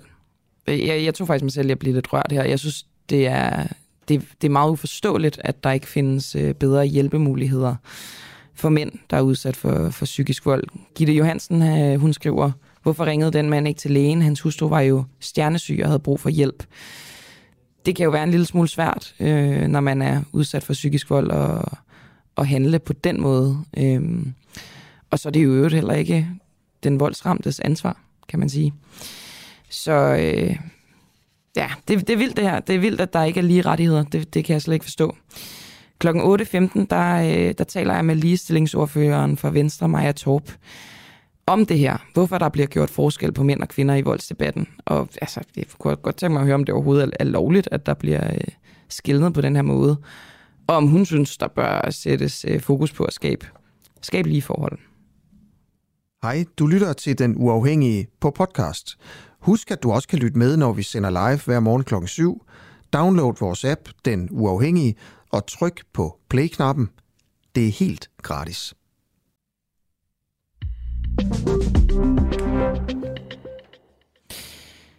Nu skal jeg tale med Mathias Glistrup, som er journalist på mediet Danwatch, Danwatch og vi skal tale om, om den danske virksomhed Danfoss tjener penge på den russiske invasion af Ukraine. Det er jo noget, man har talt meget om, alle de her øh, virksomheder, som har trukket sig på stribe, og nogle mere end andre. Nå, men øhm, mediet Danwatch bragte i går en historie om, at Danfoss datterselskab har leveret fabrikskomponenter til de russiske fabrikker, som leverer til det russiske militær. Og øh, Mathias, hvad er det, Danfoss har leveret til det russiske militær? Og godmorgen. Godmorgen. Jamen, øh, det vi kan se, det er, at Danfoss gennem et russisk eget, eller undskyld, et, et russisk datterselskab, som de ejer 100%, har leveret industrielle varmeveksler til en række, øh, en række kunder, som producerer materiel til det russiske militær. Det skal lige siges i forhold til dit oplæg, at vi har ikke fundet noget, som ligesom knytter de salg til den nuværende konflikt i Ukraine, men det er altså typisk noget, som er foregået i årene efter annekteringen af Krim i 2014 okay. og frem til 2019. Så, så jeg er ligesom ikke fuldt det øh, hele vejen og så ned på, øh, på øh, hvad skal man sige, i kampzonen i Ukraine lige nu. Men når de har leveret komponenter, kunne man jo godt forestille sig, at noget af, af det militære udstyr bliver brugt i krigen i Ukraine. Ja, det, altså det kan vi ikke afvise, men, men det vi kan se, det er blandt andet, øh, så kunne vi på et par uger siden samarbejde med Danmarks Radio øh, fortælle, at, at Danfoss igennem det her datterselskab har leveret komponenter til brug i to russiske våbentransportskibe, som altså skulle indgå i den russiske flåde. Mm. Og et af de her skibe øh, er ligesom planlagt til at skulle indgå i Sortehavsflåden nede på Krim. Og der kan man jo sige, at, at den flåde og den flådestation i Krim spiller jo en enorm stor rolle i den nuværende konflikt nu. Men der er altså ikke tale om et skib, som er færdigbygget. Øh, det, det, det, det tyder på, at det er på vej til Krim inden for de næste par måneder, men, øh, men det er ikke noget, som vi har set brugt i den nuværende konflikt på den måde. Men ved I, om de stadig leverer komponenter til de russiske fabrikker? Vi har ikke fundet noget, øh, nogen, nogen rygende pistol. Øh, vi har jo været i kontakt med Danfoss også, som, som jo selv på baggrund af vores historie har, har undersøgt øh, sagen med deres russiske datterselskab. Og de siger jo, at der ikke er sket nogen brud på procedurer og sådan noget, men der er ikke noget i deres kommunikation, der antyder, at procedurerne skulle være ændret, eller at det skulle være indstrammet øh, over for, for datterselskabet, hvem de må sælge til, og hvem de ikke må sælge til. Det skal så også siges, at Danfoss efter øh, Ruslands invasion af Ukraine her i år, øh, melder ud, at de er i gang med det, de kalder et kontrolleret exit fra, fra Rusland. Og, og de melder også øh, til os, at den her, øh, det her datterselskab Ridan er en af de ting, de forsøger at sælge. Et kontrolleret exit, er det sådan noget med at lade kontrakter løbe ud, eller hvordan er det Det har vi ikke kunne komme så meget nærmere, øh, andet end at, at, at de forsøger at afhente forretningerne, men, men i hvilket tempo det foregår, og, og, på hvilke præmisser, sådan, det, det er ikke noget, vi, er, vi har ansigt i. Det her med, at øh, de leverede komponenter, som øh, altså under øh, annekteringen af Krim, dengang i 2014, øh, og så efterfølgende også. Det er det, I har fundet ud af, ikke? Jo, blandt andet jo. Øhm, men der var jo en, en våbenembargo. Er det sådan, at de har brudt den, eller hvordan? Altså rent juridisk set er det en lille smule mudret, fordi man kan sige, hvis de havde foretaget de salg fra et datterselskab, som lå inden for EU, så havde de formentlig ikke fået lov til det, og så havde det formentlig været tale om sanktionsbrud. Øh, netop fordi, at man jo i kølvandet på den her ulovlige annektering af Krim i 2014 kunne se, at netop det russiske militær jo stod bag en række relativt grove menneskerettighedsbrud på Krim. Altså det er jo alt fra, fra øh, udenomsretlige drab til forsvindinger og, og tortur osv. Det er noget, som er, som er veldokumenteret af FN, og det vidste man godt på det her tidspunkt, hvor de her kontrakter er indgået. Og der kan man sige, selvom der, selvom der rent juridisk formentlig ikke er sket noget ulovligt, altså fordi det foregår igennem det her russiske datterselskab, som jo ikke er underlagt de regler og lov, vi har indført i EU, så er det formentlig ikke ulovligt. Men derfor er der alligevel en, en række eksperter, som vi har talt med, som kritiserer de her salg, netop fordi man har vidst, hvem slutkunden er, og, og i hvilken sammenhæng øh, de her komponenter vil blive brugt. Og der er det altså, man, man, de her eksperter i hvert fald siger, at man som virksomhed har et ansvar for at gå ind og, og lave en grundig, det man kalder due diligence, altså en risikovurdering af, i hvilket omfang risikerer mine, mine produkter bidrag til, til de her brud på menneskerettigheder. Og det der ikke, så vidt vi i hvert fald kan se og forstå på Danfoss, det har der ikke været et særligt stort fokus på i forbindelse med de her salg. Og det er jo ikke kun danske virksomheder, det der er, er foregået. Det er jo det er måske lidt for meget at kalde det en, en finte, men det virker jo alligevel sådan. Det er noget, de ikke kan blive øh, hvad skal man sige, taget for rent juridisk, men de bryder jo alligevel indirekte den her våben embargo. Øh, hvad, hvad kan konsekvensen være for, for, for Danfoss med det her? Det er svært at vurdere. Altså, som sagt er der jo formentlig ikke tale om et eller andet juridisk brud på noget, så der vil formentlig ikke være noget strafferetligt eller, eller noget i den forstand.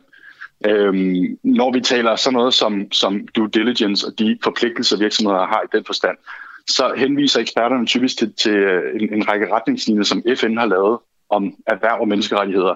Og ifølge de retningslinjer, der er man jo ligesom forpligtet til at gå ind og i hvert fald vurdere og forsøge at identificere, hvor, hvor er det risiciene ligger, og hvad er det, vi som virksomhed kan gøre for at minimere, at vi bidrager til de her menneskerettighedsbrud. Og der er, fordi der er tale om retningslinjer og ikke lov, så er der ikke ligesom nogle sanktionsmuligheder over for virksomheder, som så ikke følger dem eller lever op til deres forpligtelser, som, som jo eksperterne siger, at, at Danfoss ikke gør i den her sag. Så hvad der lige kommer til at ske, og hvad det kommer til at få af konsekvens for Danfoss, det er svært at sige. Ja, fordi det er jo heller ikke sådan, det er jo, det er jo ikke, hvad skal man sige, den normale forbruger, som er direkte forbruger af Danfoss' øh, varer. Så det er jo ikke sådan, at man kan, kan se for sig sådan et borgerligt boykot, øh, for eksempel. Nej, det er svært at forestille sig. Altså, Dan, kunder er jo typisk andre virksomheder, i hvert fald i, i, i forhold til, til sådan nogle type komponenter, som de har solgt her. Der skal det måske også lige sige, at, at vi kender jo herhjemme Danfoss fra sådan noget som termostater på vores, øh, på vores radiatorer og sådan noget. Det er jo typisk sådan nogle ting, du kan gå ned og købe i, i, øh, i håndværksbutikker. Men de her komponenter, som er solgt og som er, som er bygget på den her, det her russiske datterselskab, det er altså sådan nogle store industrielle maskiner, som ofte vejer flere hundrede kilo. Så det er ikke noget, som, som øh, altså, det er ikke sådan noget off-the-shelf, øh, noget, som, som de har solgt til Gud og hver mand, og som så tilfældigvis er endt op hos de her øh, militærproducenter. Det er altså noget, som man bevidst har bygget og solgt til, til, til de kunder. Har I talt med nogle af, af deres, øh, deres kunder, eller de virksomheder, som de leverer til? Altså i Danmark for eksempel? Øh, hvad tænker du på? Jamen om øh, dem, de arbejder sammen med, om, om de virksomheder kunne finde på at boykotte dem og stoppe samarbejdet. I det er ikke noget, vi har, Nej, det er ikke noget, vi har kigget på. Altså, vores arbejde har, har, har været fokuseret på at se, hvad, altså, hvad, er det, hvad er det for nogle kunder, de har haft, og, og hvordan kan vi dokumentere, hvad det er for nogle komponenter, der er solgt hvornår og til hvem. Så vi har ikke været ude i sådan den danske, den danske vinkel i forhold til, om, om, øh, om andre virksomheder vil boykotte Danfoss. Det, det har vi ikke været ude i. Er Rusland øh, et meget vigtigt marked for Danfoss, eller spurgt på en anden måde, hvorfor er de der stadig? Øh, ja, det er svært at sige. Altså, jeg mener, at Danfoss har omkring 1000 medarbejdere i, øh, i Rusland, og de har et par datterselskaber. Men det er også, øh, det er også noget, som, som de forsøger at komme ud af nu øh, i, i forhold til den nuværende krise. Men, men lige i forhold til sådan nogle komponenter, som er produceret på den her fabrik, så, så har det været en, en markedsåbning, som, som Danfoss har øjet. Øh, de købte den her virksomhed i 2007, øh, og det var netop for at komme ind på det her, på det her marked for sådan nogle varmeveksler. Og det er, jo, det er jo komponenter, som kan bruges i alle mulige ting. Så der sidder sådan nogle varmeveksler i, i øh, en, en lang række både civile og også militære skibe, som vi kan se, men, men også i bygninger og boiler rooms. Og, og, altså, de sidder rigtig mange steder, så det har været et, et, øh, det har været et, et, et relativt stort marked for, for Danfoss på den. Tak for det, Mathias Glistrup. Det var så lidt. Journalist på mediet øh, Danwatch. Og god dag. I lige måde. Hver dag efter morgenudsendelsen kan du høre et særligt udvalgt interview i vores podcast Den Uundgåelige. Interviewet er valgt, fordi det er det bedste, det vigtigste eller mest interessante. Altså, gælder, gælder ejendomsretten ikke for dig, Bibi, bare fordi du er kunstner? Jo, jo, selvfølgelig gør den det, og det er klart, at hvis der skulle være et, øh, et efterspil, så står, jeg, så står jeg naturligvis øh, til rådighed for domstolen, og jeg øh, forholder mig til, de, til de følgere, der måtte komme. Det står jeg 100% til ansvar for. Du finder den uundgåelige i vores app, eller der, hvor du henter din podcast. Et nyt interview hver dag. For dig, som ikke fik hørt hele morgenudsendelsen, men ikke vil gå glip af dagens bedste interview.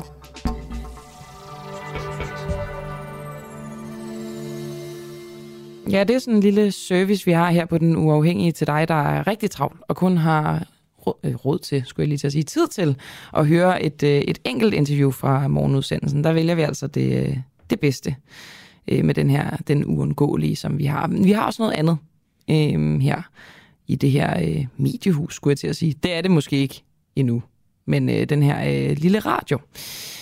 Det er en øh, podcast, der hedder Spionchefens Hemmelighed, og det øh, handler selvfølgelig om fængslingen af Lars Finsen, øh, den her tidligere øh, chef for Forsvarets efterretningstjeneste. Og det, det, er en, det er en spændende podcast, fordi den, øh, den handler meget om samfundet, hvad der kan lade sig gøre i det danske samfund. Nok meget overraskende. Øhm, og så virker det jo egentlig også hele den her sag bare som lidt af en, øh, af en film. Men i stedet for, at jeg ævler om det, så tænker jeg, at øh, jeg vil spille altså sådan øh, en compilation af det bedste fra den her række af, af afsnit af Spionchefens Hemmelighed. Hvorfor han bliver anholdt? Jamen det er der ingen af os, der ved. Vi ved bare, at han i øjeblikket er sigtet for overtrædelse af straffelovens pakker ved 109. Alt, hvad man kigger på i den her sag, det tyder på mig på en overreagering. Det ser ud til i dag, at der er nogle mennesker, der har haft et ønske om, at det bliver deres version af, hvad der er foregået, der kommer ud i offentligheden. Når du siger nogen, mener du så Lars Finsen? Ved du, hvem den her whistleblower er? Ja. Øh, Klar Vind fra Norhængig. Var det dig, der gav ordren om anholdelsen af Lars Finsen? Jeg har sagt øh, også i andre sammenhæng, at vi selvfølgelig ikke øh, kommenterer øh, på spørgsmål, der vedrører efterretningstjenesternes arbejde. Så det er Mette Frederiksen, Det må det være. der tager den endelige beslutning om at gøre Finsen til Søndebuk. Tænker du, at Lars Finsen kunne være blevet anholdt for simpelthen at lægge historien om din klient, Ahmed Samsam, til medierne? Hvis det overhovedet er den sag, han sidder varetægtsfængslet for, jamen så kunne man jo forestille sig, at han har været ophavsmand til det. Og i samme sekund, jeg slukkede motoren, så sprang der to mænd ud af en bil, øh, der holdt foran, og skyndte sig hen til mig og præsenterede deres politiidentifikation og sagde, at de skulle forkynde en sigtelse mod mig. Så det, du er sigtet for, det, det handler om det, som Snowden afslørede? Øh, ja, det kan jeg jo lige så godt sige, ja. Er du sikker på, at den handler om det? Handler om hvad? At man er træt af, at der har været sager i pressen, og så får man hårdt frem? Ja, det er jeg ret sikker på. Der er en ting, jeg har hæftet mig ved, det er, hvor der er mange politikere, der har haft mange meninger omkring Claus Hjort-sagen. Hmm. Så læg mærke til, der er ingen, ingen, der har sagt noget om Finsen-sagen. Hvorfor? Hvorfor? fordi de på en eller anden måde er blevet orienteret om sagen. Ja. Den får mig hver gang, den her, øh, den her outro den her, den her kliprække. Nå, men det er altså, øh, hvad skal man sige, det bedste fra øh, spionchefens hemmelighed, som er en, øh, en podcastserie, vi har her på Den Uafhængige, som man kan lytte til, hvis man er medlem. Øh, og hvis du vil være medlem, det kan jeg da godt lige sige, så kan du gå ind på www.duah.dk eller sende en øh, besked til 1245 og skrive UA med store bogstaver. Inden jeg får min næste kilde på, så, øhm, så vil jeg gerne lige læse en nyhed op, som jeg også hørte i øh, P1 Morgen i morges, som jeg synes var altså både interessant, men også lidt sjov. Ærø, Ærø har fået landets første sundhedsdrone.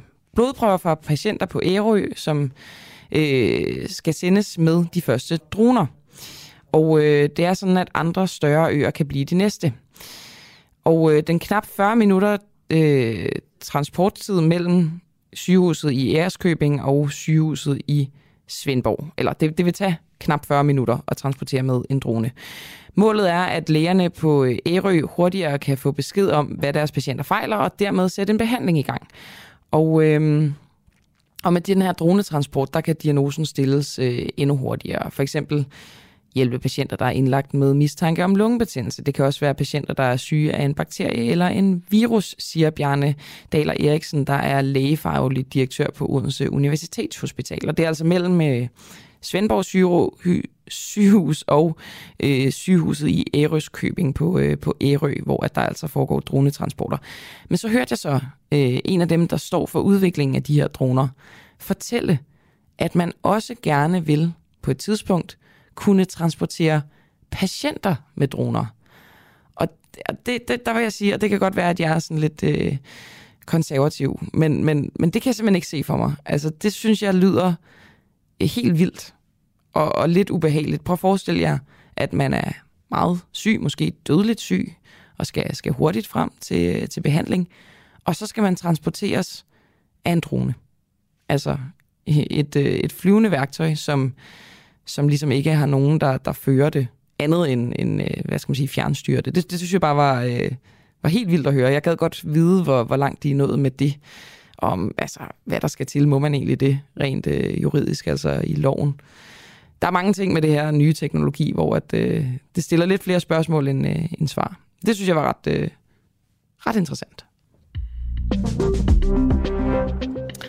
Og nu øh, vender vi tilbage til det her med... Øh, mandecentre, og nærmere bestemt, at voldsramte mænd måske ikke bliver taget lige så alvorligt som voldsramte kvinder i Danmark. Og øh, vi kan lige høre et øh, lille klip med direktøren fra Mandecentret i København, Jakob Engmose Astrup, der fortæller om forskellen på voldsramte mænd og kvinder i forhold til at få adgang til hjælp. Altså vold i hjemmet, tror jeg, er tabu for både mænd og kvinder. Ja. Øh, men men man kan sige, hvor kvindebevægelsen har gjort et kæmpe arbejde for de sidste 40-50 år at bringe vold mod kvinder på dagsordenen og få det ud af privatsfæren og ind i sådan det offentlige rum, hvor det er et samfundsproblem, så mangler vi lidt det samme på mændene. Ja, altså sagde Jakob Ingmose Astrup. Vi har også tidligere talt med øh, Allan fra Esbjerg. Vi, jeg spillede et interview for ikke så længe siden, som har været udsat for partnervold men som ligesom oplevede overhovedet ikke at blive øh, taget alvorligt i systemet, og, og ligesom ikke kunne finde ud af, hvor han kunne, øh, kunne hente hjælp hen. Altså følte simpelthen, at han, han stod alene med, med det her, med at øh, hans kone udsatte ham for, for psykisk vold. Og nu skal jeg tale med Maja Torp, der er ligestillingsordfører for Venstre, fordi vi simpelthen undrer os over, øh, hvordan det kan lade sig gøre, at mænd og kvinder ikke har de samme rettigheder. Og øh, Maja, er du øh, med mig? Jeg er med på linjen, ja. Godmorgen. Findes Godmorgen. der øh, krisecentre for voldsramte mænd i Danmark? Det gør der jo faktisk ikke. Øhm, men det synes jeg da klart, at vi skal have lavet om på, fordi øh, vi kan jo se, øh, at øh, cirka 25 procent, øh, der bliver ramt af partnervold, det er mænd. Så det er jo ikke en ubetydelig andel, øh, der er mænd her. Øh, men der har jo været en tradition for, at der har været sat øh, meget fokus på kvinderne. Det skal der stadigvæk være. Men det er jo øh, ikke ubetydeligt, at 25 procent øh, af dem, der rammes af partnervold, er mænd. Og der skal vi jo have opbygget noget lignende. Øh, nogle tilbud, som passer til, til mænd. Det kan være, at det er det, det skal være tilbud, der adskiller sig lidt af det, vi har til kvinder, men der skal selvfølgelig være til mænd også. Er du i gang med at lave det her om? Ja, altså um, vi har for nylig i Folketinget debatteret øh, partnerdrab, øh, og, og hvor, hvor vi øh, aftalte, at øh, der skal laves en øh, handlingsplan, som også dækker partnervold. øh, og, og hvor vi skal have kigget på, jamen, hvordan er det, øh, at vi sikrer dels selvfølgelig, at der er øh, tilbud for dem, der bliver ramt, men også i høj grad, hvordan opsporer vi dem, der er ramt af partnervold. Fordi det kan jo være rigtig svært. Det er jo ikke nødvendigvis øh, noget, man selv kommer med. Øhm, og der er kommuner, der har gjort forsøg i, hvor faktisk hos jordmoren, øh, der bliver kvinden spurgt ind til, om hun er udsat for partnervold. Øhm, så, så der findes nogle måder, man kan opspore det på. Øhm, og så, så vi er i gang med at kigge på en, øh, en samlet plan for det. Men der er ikke noget, du siger der, som lyder som en øh, særlig indsats mod mændene, eller for mændene? Det man jo kan gøre, øh, det er, at man kan udvide det her til, øh, at det også gælder i jobcentre, men, og jeg, hvor jeg, man nu... Ja, undskyld, jeg afbryder, men det er fordi, jeg, jeg spørger faktisk ikke, hvad man kan gøre, jeg spørger, hvad I gør. Lige nu mangler vi indsatser, og øh, med den her handlingsplan, som vi skal til at have kigget på, jamen det er jo så der, hvor vi skal kigge på, jamen, jamen hvor er det, vi kan sætte ind? Og øh, der skal være noget kapacitet til mænd også. Øh, når 25 procent af dem, der bliver ramt af mænd, jamen, så skal der også være en tilsvarende kapacitet, øh, som giver mænd mulighed for tilbud. Fordi selvfølgelig skal det tages øh, helt lige så alvorligt, når mænd bliver ramt. Og hvad er det helt specifikt, I har debatteret i den retning? Altså, hvad er det for nogle forslag, der skal med i den her handlingsplan? Jamen, det er, det er det, vi er ved at kigge på, og hvor vi øh, selvfølgelig tager samarbejdspartnere ind, selvfølgelig fra mandecenter, men også fra kvindekrisecenter og forskellige organisationer, som har noget faglig viden på det her område. Fordi de skal være med til at hjælpe os med, hvad er de rette tilbud, hvad er de rette indsatser, hvad er den rette måde at opspore vold på. Hvor skal pengene til øh, indsatsen øh, for mændene komme fra? Skal de tage fra, tages fra den pulje, der går til, til kvinder i dag, eller hvor henne? Altså, øhm, finansieringen skal vi selvfølgelig have kigget på, øh, hvad der kan være af muligheder. Øh, og det, det kan jeg ikke blive specifik på lige nu. Men, øh, men jeg synes jo, at øh, mænd skal jo have nøjagtigt samme øh, rettigheder som kvinder. Øh, jeg er jo ligestillingsordfører, og øh, man skal jo huske også, at øh, jamen, ligestilling gælder jo både for mænd og for kvinder. Så, så vi kan ikke forfordele den ene part øh, i sådan nogle situationer her. Men det, bliver det, det, bliver, altså, det sker jo lige nu. Jeg, nu, nu, ja. nu er jeg bare helt ærlig. Jeg, jeg er ret chokeret over det her. At, at ja. i Danmark, at der ikke er lige vilkår for mænd og kvinder, ja. der bliver ramt af vold. Hvorfor er det først nu, at der bliver øh, kigget på det?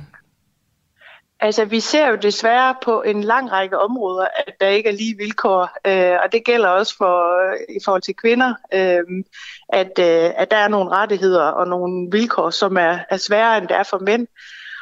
Så, øh, og der er vi jo også begyndt at arbejde meget mere fokuseret på at skabe mere ligestilling. Så jeg her, synes bare, at vi skal... vold. Altså, er, er det overhovedet lovligt, at der er nogle øh, tilbud til kvinder, som der ikke er til mænd? Ja, det er jo noget, man øh, politisk har bestemt, øh, hvad det er for nogle tilbud, der skal være. Må man gerne og, diskriminere jo... mellem voldsoffre? der er jo selvfølgelig, øh, altså, der er jo selvfølgelig andre tilbud, ikke, ikke som der er til kvinder med, med krisecenter og, og så videre. Men det må vi jo få udviklet. Det må vi jo øh, altså, sørge for, at vi får øh, tilbud til mænd, øh, der svarer til det, der er til kvinder.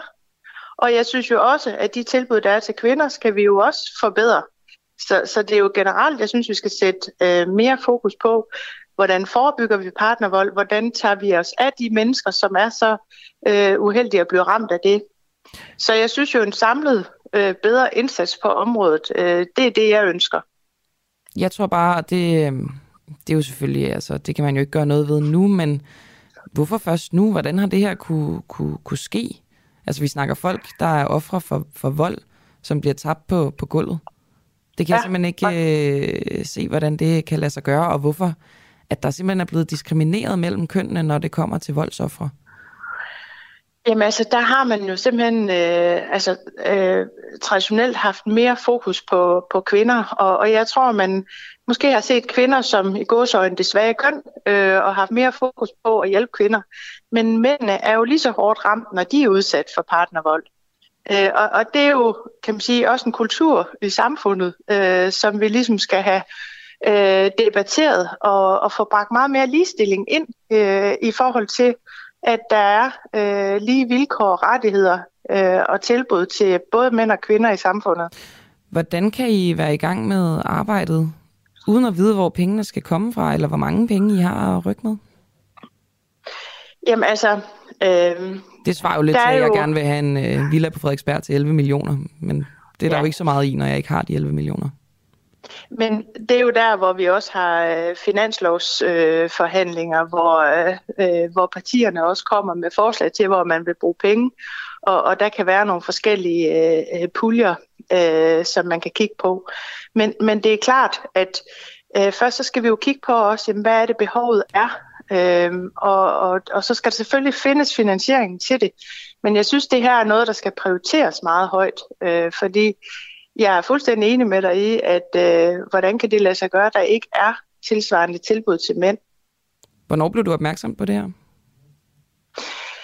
Jamen, øh, det, det, det gjorde jeg i særdeleshed, da vi øh, behandlede det her forslag omkring øh, en handlingsplan mod øh, partnerdrab. Så altså i år? Øhm, Ja, nu er jeg jo så ret ny i, øh, i Folketinget har været der i, i fire måneder. Mm. Øhm, så, så jeg er jo ved at dykke ned i også øh, de forskellige dele. Øhm, og øh, har haft øh, møde også med, med kvindekrisecentrene, øh, som selvfølgelig er, er rigtig gode til også at tale deres sag. Øh, og der mangler vi måske noget, noget tilsvarende styrke på, på mændenes område i forhold til, øh, og, og, og være opsøgende øh, ved os politikere. Nu kan jeg jo så høre, at direktøren for Mandecentret, han er på banen, og det synes jeg er rigtig godt.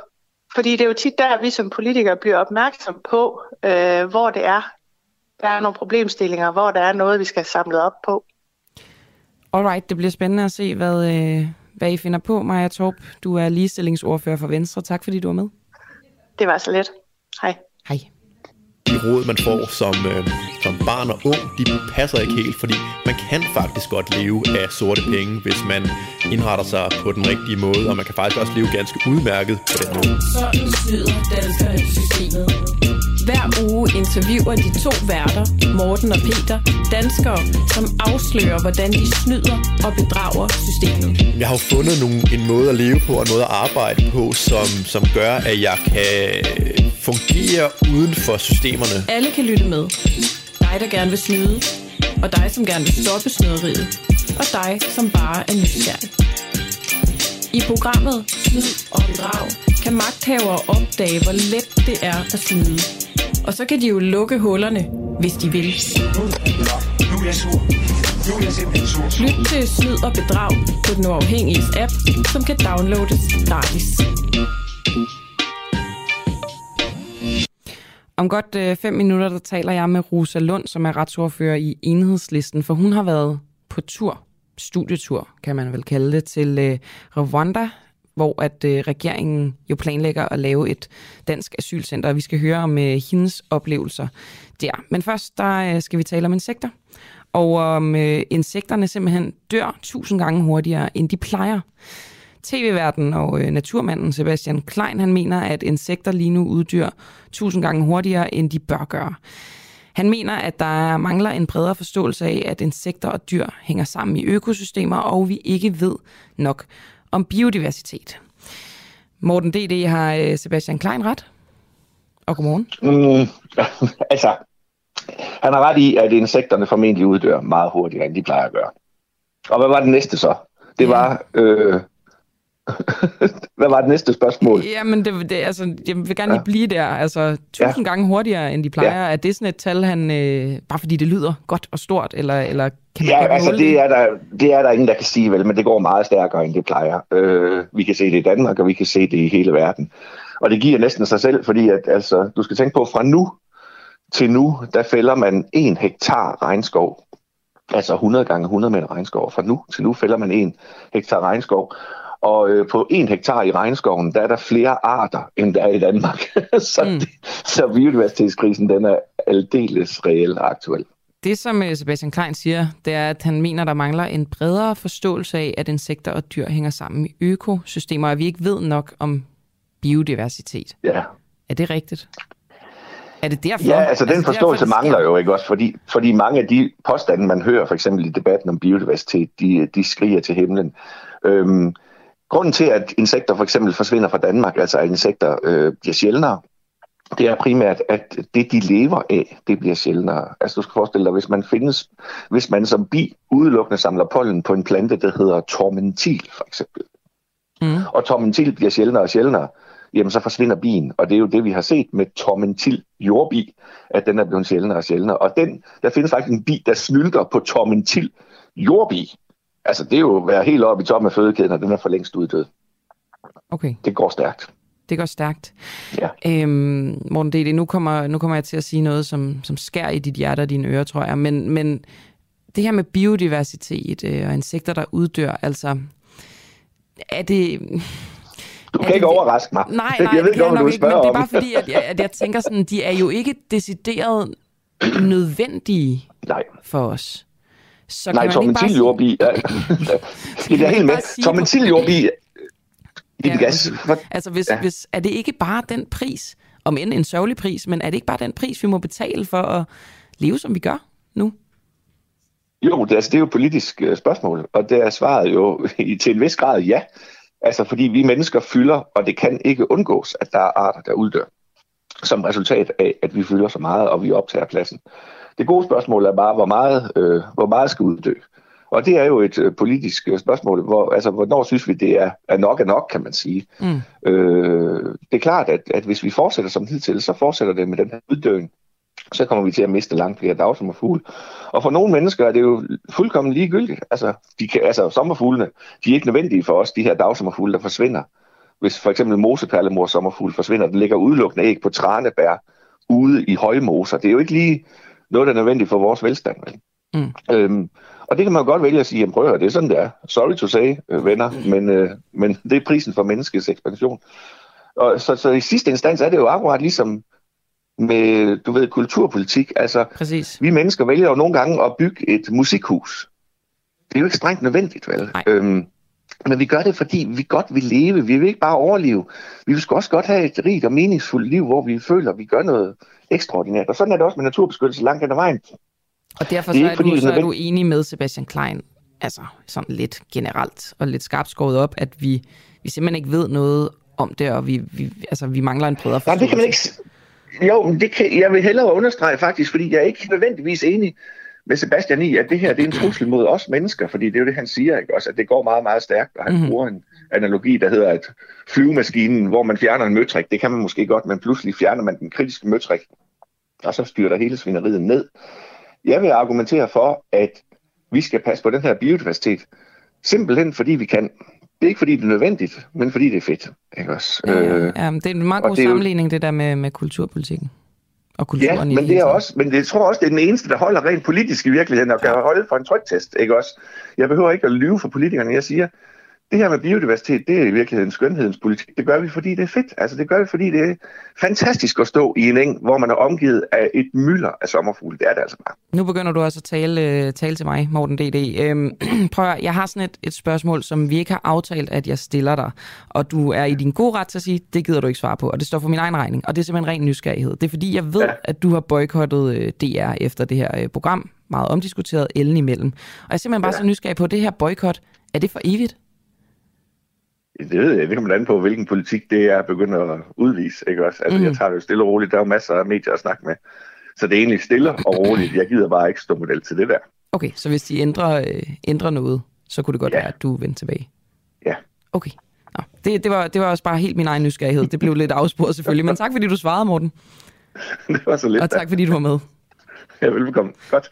Og Morten D.D., som altså er biolog og museumsinspektør ved Naturhistorisk Museum i Aarhus.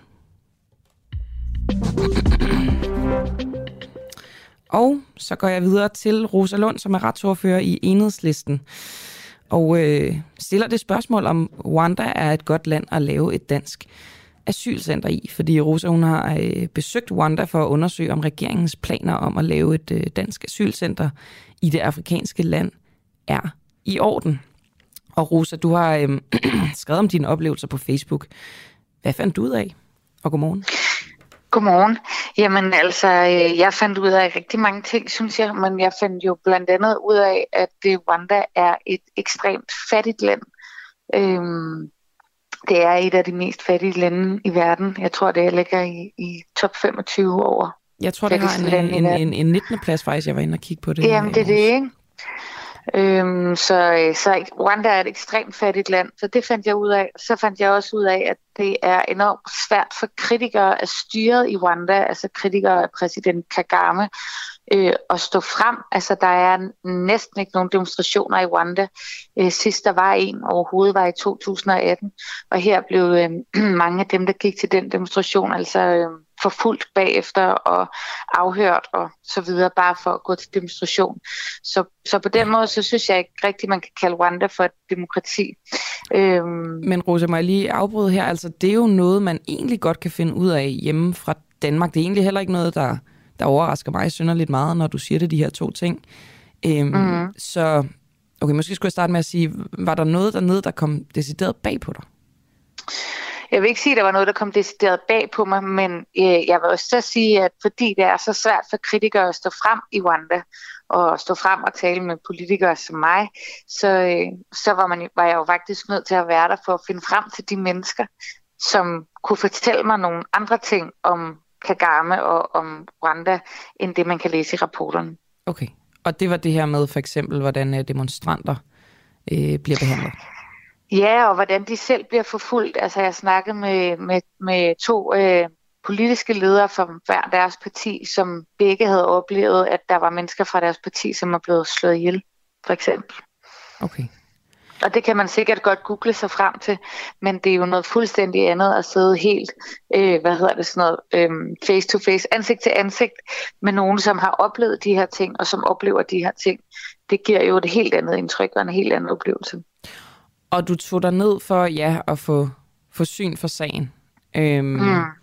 Og vel også for at tage de her oplevelser med hjem og dele dem med dine kollegaer i Folketinget? Fuldstændig, ja.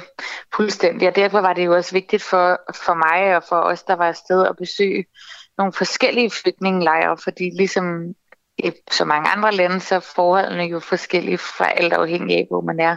Derfor så var vi i to flygtningelejre for ligesom at være sikre på, at vi fik det hele med, eller det fulde billede af, hvordan flygtningen bliver behandlet i Rwanda. Men jeg sidder og tænker på, at øh, det bliver jo ikke nødvendigvis Rwanda, der skal administrere det her asylcenter øh, 100%. Altså Danmark er jo, er jo inde over det, som at det er nok for langt at gå at sige, et, et lille Danmark i Rwanda. Men, men tror du ikke, at vi alligevel trods alt ville have mulighed for at lave noget, der, der ligner danske forhold mere end, end forholdene i Rwanda? Jo. jo, det tror jeg bestemt. Det tror jeg bestemt. Problemet er bare, at... Øhm at befolkningen i Rwanda har det ekstremt dårligt og ekstremt fattige. Folk lever for under 3 dollar om dagen, og derfor så vil det faktisk gå ud over Rwandas befolkning, at man på den måde fokuserer på, at Rwanda skal løse en opgave for Vesten, skal løse en opgave for Europa. Og det, det er en af grundene til, at jeg synes, det er en dårlig idé. Altså jeg synes, det er noget mærkeligt noget, at Rwandas befolkning skal betale for, øh, at, øh, at den socialdemokratiske regering ikke kan lide flygtninge. Kan du ikke lige tage mig med på den øh, rejse? Altså fordi der ville jeg jo tænke, at det var en økonomisk aktivitet for Rwanda, at det ville berige dem. Ikke, ikke så meget vel, det er et af synsælder, men... Men, men jeg forstår godt, hvad du mener. Fordi selvfølgelig er der også økonomi i det her for Rwanda, og ikke mindst international anerkendelse. Altså Rwanda er et land, som, som, øh, som gerne vil lave aftaler med Vesten, og som gerne vil på en eller anden måde øh, være et afrikansk land, som med deres egne ord går foran. Men det der er problemet, det er, at der er så for eksempel er så lidt arbejde at få i Rwanda, at, øh, at de fleste øh, lokale, de går til de her FN-flygtningelejre for at se, om de kan blive en del øh, af de her programmer. Så det, det synes jeg ligesom bare sætter en streg under, at man ligesom på en eller anden måde hjælper flygtningen, før man hjælper sin egen befolkning. Og jeg synes jo, det er dejligt, når der er lande, der gerne vil hjælpe flygtningen. Jeg kan bare ikke se, hvorfor det skal være de fattige lande, der skal gøre det her, når, det, øh, når vi kan gøre det i Europa, særligt i Danmark som et rigt land. Hvor øh, skal et land placere sig på den her fattigdomsliste, før at du vil tænke, det var, nu ved jeg godt, at du ikke ønsker, at vi skal have asylcentre i andre lande, men hvor vil det være okay? Altså, hvilket land vil være okay? Jamen, jeg synes ikke, at man kan pege på et land, fordi hele problemet med at lave asylcenter i et tredje land er jo, at det, øh, vil jeg sige, er på kant med flygtningekonventionen, som jo netop siger, at man har ret til at søge asyl i de lande, der har tilsluttet sig flygtningekonventionen. Og derfor så er det kan man sige, ligesom et brud på den internationale aftale, hvis man begynder at samle asylbehandlingen i bestemte lande.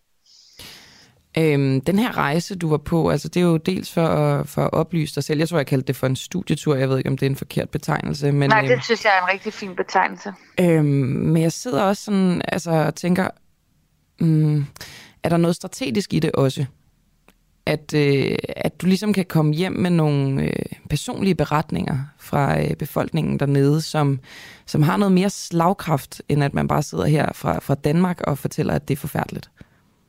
Ja, der er da bestemt noget strategisk i det. Jeg synes altid, det er klogt, når politikere kommer ud for, for Christiansborgs tykke mure og ser ting med deres egne øjne, øh, uanset om man er udlændingoverfører eller arbejdsmarkedsordfører. Altså, øh, jeg synes da også, at arbejdsmarkedsordfører skal tage ud og se, hvordan tingene fungerer i jobcentrene, for eksempel med deres egne øjne. Det synes jeg kun er godt, og det, øh, det er der strategi, som du siger.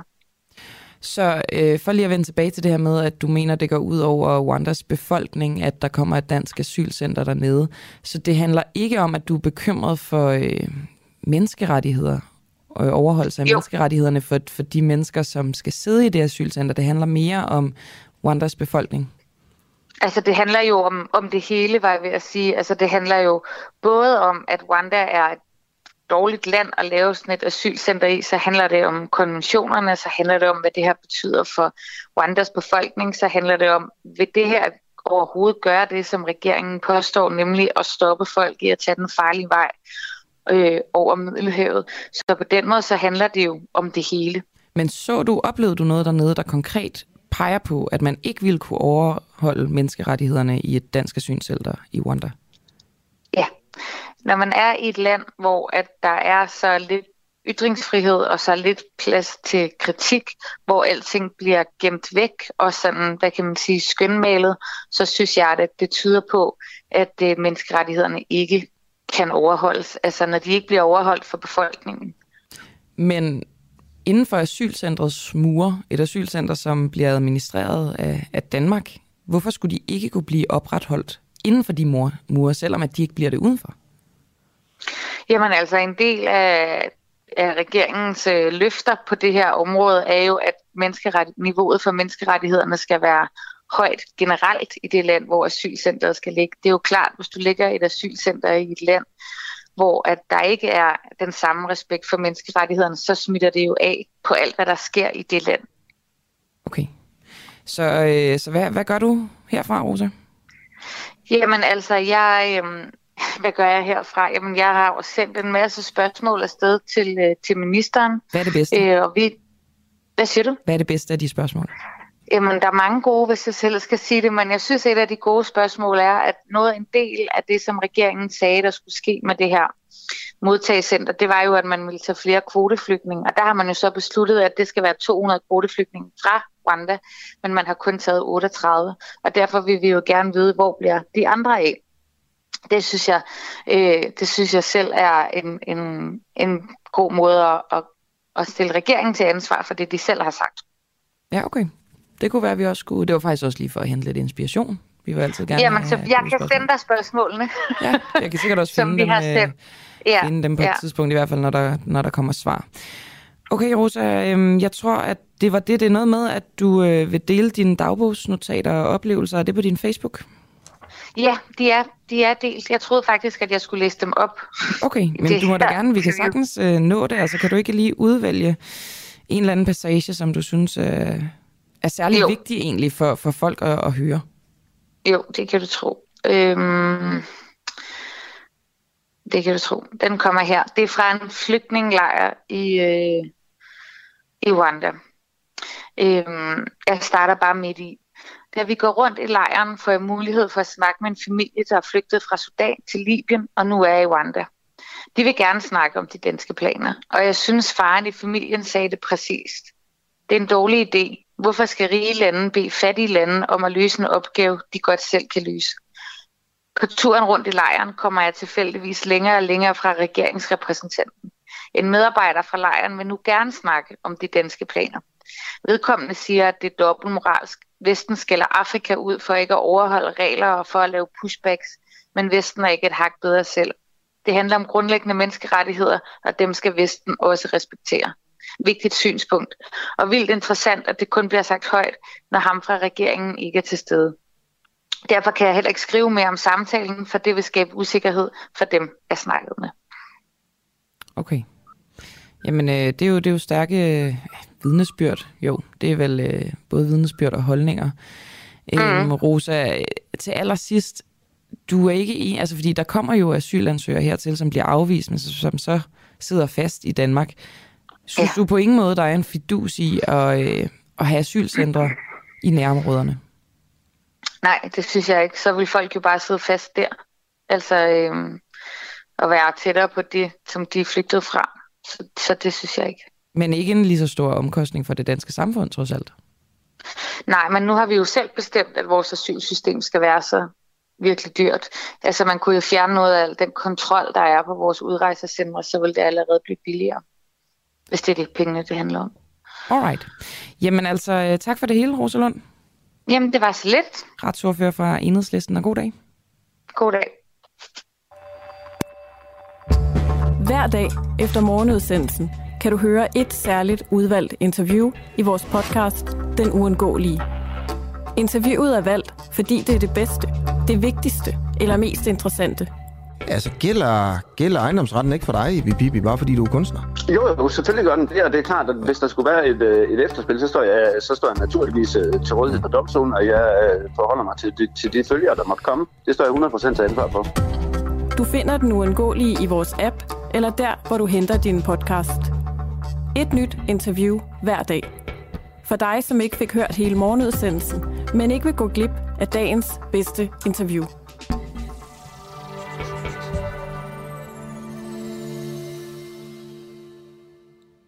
Nu skal vi tilbage til fodlænkerne. Jeg synes stadig, det er, det er ret vildt. Øhm, vi talte jo med øh, en, der, øh, der forsker i det, øh, Signe Hal Andersen tidligere, som, øh, som sagde, at det var godt, fordi det var billigere med fodlænker, og der var også bedre succesrate med øh, resocialisering.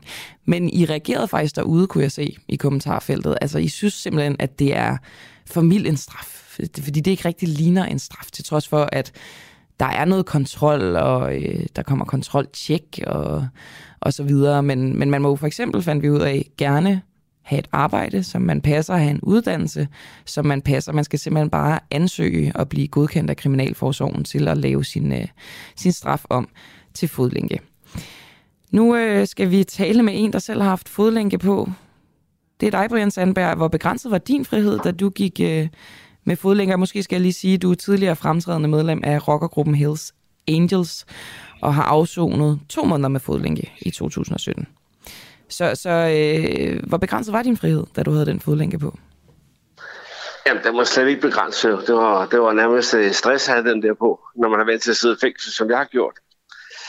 Ja, kan du, og, kan du uddybe, hvad, hvad der stresser ja, det, dig?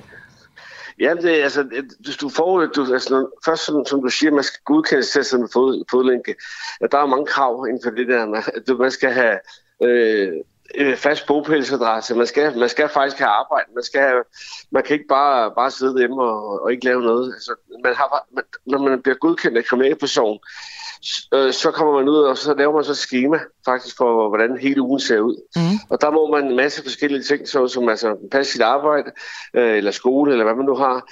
Og så må man tage ud og handle øh, hver dag. Man må tage i det fitnesscenter. Og der er så mange ting, som skal overholdes i det schema, som man så hvad hedder det, skal følge. Fordi det er jo sådan, når du kommer øh, i, for fodlænke på, så kommer de jo hjem og stiller sådan en boks hos dig. Øh, og ligesom så virker den her fodlænke. Og så hvad hedder det, de her tidspunkter, hvor du må noget eller skal noget på, faktisk, som du har sagt, du skal, så skal du forlade øh, dit, dit hjem, og så, øh, så tænder den der, så slukker den der boks, øh, så, så du ikke, så de, de, så de kan høre, at du er smutter hjemmefra. Ja, ja, men Men altså, nu siger du, det, det er stressende. Jeg hører dig altså sige, at du kan passe et arbejde, du kan gå i fitnesscenter, du kan handle ind. Men ja. det, er jo, det er jo, mens du afsoner en, en, en straf, ikke? Det synes jeg lyder... Det, det, det, det er svært for mig at, at synes, at det lyder øh, ubehageligt. Jamen, det er heller ikke uh, ubehageligt, det er bare stressende. Ja. Uh, det, er, det, er jo, det er jo luksusafsoning i ja, det forhold til, uh, jeg prøver ligesom at forklare, at jeg har siddet lukket fængsel. Der ja. har man ligesom underlagt nogle regler, og der har jeg siddet ni år. Der, der er man låst inde, og så er man låst ud, og så får man at vide, hvad man skal. Der er man ligesom så dyr, der bare der følger, der, der følger med. Og det er meget nemmere, og tiden går meget stærkere. Her der skal du ligesom, øh, der er du on your own, og du skal alt muligt. Og det er selvfølgelig, øh, for dem, der, har, der får sådan en ganske almindelig straf, som, øh, som, som dem, I har talt om øh, igennem tiderne, øh, der, er det jo, der er det jo ikke en straf, fordi de kan ikke mærke nogen forskel. Nej. Overhovedet. Nej, det, er det. Altså, det er det. Men det, for, for, for mig personligt var det bare mere sådan, hold da op, altså, øh, nu skal jeg huske, altså, nu skal jeg ned og handle nu, nu skal jeg over træne nu, og øh, der var bare så mange ting, jeg skulle, fordi hvis ikke du gjorde det, så gik den der alarm jo i gang, så ja, jeg spurgt, hvor så man, man har en frihed, men en planlagt frihed, hvor man skal øh, ligesom ja. opfylde det, som man har planlagt. Hvis, hvis du så for eksempel øh, er, er træt og ikke gider at træne, så skal du ringe og sige det. Ja. Så, så, de, de, så den ikke slukker den der. Det, er, det, var, det var meget sjovt øh, at ja, prøve det der. Men Brian, øh, vi havde en, øh, en lytter, som skrev ind, at øh, hans øh, pusher havde haft fodlænke på, og han fortsatte altså, som han plejede, mens han havde den på. Har du nogensinde gjort noget ulovligt, mens du afsonede med fodlænke? Nej, det har jeg, det har jeg bestemt ikke, fordi at, øh, det, det, når man er sådan en offentlig person, som jeg er, så kommer de jo ret tit i år. det gjorde de også hos mig. Og så tog de jo hele tiden stik på, på at øh, jeg skulle puste i sådan en uh, algometer og, og hvad hedder det, lave noget, der hedder pisprøver, som man kalder det, og man har taget det ene eller andet. Så, så de kom ret tit hos mig, og øh, i weekenden, du må ikke engang drikke en øl, du må ingenting, hvis du, hvis du er hjemme. Så de kan jo komme uanmeldt, hvornår det skal være på hele døgnet jo. Altså, de kommer hyppigere hos, øh, hos kendte mennesker? Det, det, det skal jeg ikke kunne sige. Det var i hvert fald rigtig tit hos mig. Øh, det må sige det sådan. Kan jeg vide, om det også var sådan hos Inger Støjberg? Hun er jo også en, en offentlig person. Ja, det tror jeg, det tror jeg nok. Det, det skal man jo spørge hende om. Jo, men, men ja, ja, helt sikkert vil vi prøve også at få fat på hende. Det er bare lidt svært. Men, men øh, var der mulighed for, at du kunne gøre noget ulovligt? Altså, var, var der nogle huller overhovedet? Ja, hvis, hvis du laver noget lovligt, øh, nu er det mange år siden, jeg har været kriminel, men, men, men så kan du gøre det jo, uanset om du er låst inde i, øh, på, på, på Vesterfængsel, så kan du gøre det. Altså, hvis du, hvis du vil det, så har du nogle folk, der hjælper dig. Og øh, altså, det, kan, det kan man altid gøre. Så der er ikke bedre mulighed for at begå ulovligheder, når, øh, når man har fodlænke på? Nej, det synes jeg ikke, der er, fordi øh, der er jo, der er jo en overvågning over der, udover øh, hvis politiet følger efter dig, men så kommer der også nogle fængselsbetjent for kriminalperson og kan banke på i side utid. Så du kan ikke bare sidde hjemme med dine, øh, med dine homies og, og, og ryge det fede, hvis det er det, du plejer. Altså, det, fordi det må man simpelthen ikke. Mm. Altså, jeg synes, jeg synes jo, det her lyder som en straf, der i praksis ikke rigtig er en straf. Hvad synes du selv? Altså, følte du dig, Jamen, jeg... følte du dig straffet, da du afsonede med fodlænke? Nej, men jeg er helt enig. Det er ingen straf overhovedet. Det, det er jo bare, det vil bare i mange, der ved, at der ikke er plads i fængslerne til, til alle de der øh, smådomme, der bliver givet ud, fordi det, du, du kan heller ikke have for langt om for at have fodlænke på. Og så er det vel for at tage pres for de der ved det, fængsler, hvor betjentene øh, ved det, hylder op, at der, der, de mangler øh, betjente. Ikke? Og så, så er det jo en, en nem måde at gøre det på. Nu har du ligesom øh, både prøvet at afzone med fodlænke og afzone i fængslet. Øh, det er rigtigt nok, som du siger, at økonomi og, og pladsmangel er, er en ting i det her. En anden ting er også, at, øh, at man simpelthen mener, at muligheden for resocialisering er, er højere, hvis man afzoner med fodlænke. Øh, kan du genkende det? At man er mindre tilbøjelig til at begå kriminalitet, hvis man øh, afzoner med fodlænke, end hvis man sidder i et fængsel? Nu kommer man an på, hvem der er i, øh, I, I snakker om. Altså det, øh, resocialisering for, for, for en pusher, det, det vil nok aldrig være, være der, fordi at det, altså, øh, hvorimod så en som Inge, Støj, Inge Støjberg har aldrig været altså, i går så en kriminel, en, øh, øh, det, det, det, det er svært at forklare det der, men, men altså, det, det tror jeg ikke en skid på det der. Nej, okay. Fordi, Nej. dem, fordi dem, der sidder med fodlænke, det er som regel det, man i den kriminelle verden kalder småkriminalitet. Ja, men du faldt jo ikke tilbage, faktisk. Eller gjorde du? Nej, men, nej, nej, nej, det gjorde jeg slet ikke. Så blev du jo men, måske resocialiseret efter fodlænken. Det, det var jeg lang tid for. Min, min, den, den, den her øh, fodlænkesag, det må vi sige i et program, der tager en time. Nå, okay. Fordi det var helt skørt. Ja, okay, altså, det var, okay, okay. det var noget, der kom så mange år efter, så... Øh, Fair nok, fair nok. Okay, Brian, øh, jeg tror måske, det var det. Altså, jeg tror også, du har ret i, at øh, Inger Støjberg måske ikke nødvendigvis behøver at blive resocialiseret, i hvert fald ikke i sådan almindelig forstand. Øh, det er jo trods alt en lidt anden slags kriminalitet, hun, øh, hun begik. Men øh, tak, fordi du var med til at fortælle om det. Jeg vil, jeg vil lige indskyde her, at altså, alle, alle dem med Christiansborg, det er jo banditter og så de behøver ikke blive resocialiseret. De går tilbage til, til borgen. Og, og bliver øh, de samme slags banditter, som de var før. Lige præcis. altså kriminelle? Nej, men øh, banditter og habitter, du ved, de, der er nogen, der omgår reglerne og bøjer på knækker dem, ikke? Jo, jo, helt sikkert. Ja, okay. Tak for det, Brian Sandberg. Det er ondt. God dag. God dag. Hej, Asger Jul. Hej, Camilla. Jeg tænkte, at øh, det, det var faktisk noget, jeg tænkte lige, da, da jeg gik i luften i morges, Mhm. mm. at vi måske ikke har fået reklameret nok for, at vi skal ind og sende på øh, Christiansborg på onsdag. Nej, det har vi ikke snakket. Vi har snakket meget om det sådan internt. Ja. Jeg tror, vi glæder os meget, ikke? Jamen, det, altså, det må jeg sige. Det er første gang, jeg skal dække et valg, og det er første Ja. gang, jeg skal dække det på borgen og sådan noget. Mm. Ja, så det er jo altid vildt sjovt. Jeg var jo med sidste gang, da Helle thorning Schmidt, øh, hun tabte magten, hvor der var de der stive socialdemokrater, som kom ind. Nå, ja, det var jo kan jeg Henrik Sass Larsen Ja, ja, det og ham der varmemesteren Carsten Jensen. Ja, ja, og, ja, Øh, det var i hvert fald de to. Det var enormt sjovt. At Var dem du til som- den fest? Jeg interviewede dem som den allerførste. Wow. Og sendte det hjem til redaktionen og sagde, de er skidestive spilinterviewet. Mm. Og så, øh, så sker der jo det altid, at chefer kommer i tvivl. Og, Ja. så, og så endte det jo faktisk med, jeg tror det var TV2, der spillede det før. Ja, før, ja, ja. før der, hvor jeg arbejdede. Det var lige meget. Det var enormt sjovt. Altså, det var godt stive, de to. Altså. Klart. Nå, okay. men det var øh, mega skægt. Jeg ved, om det Mads bliver... Holger, kan du huske ham der, Mads Holger, ikke? Ja, han, ja, ja. Ham, der er desværre afgået ved døden jo. Ja. Men øh, han prøvede jo at komme ind i Folketinget på det tidspunkt, og han Ja, sad sådan konservativ. og drak en øl ude på, på trappen foran Christiansborg, og måtte ikke engang være med til festen hos de konservative.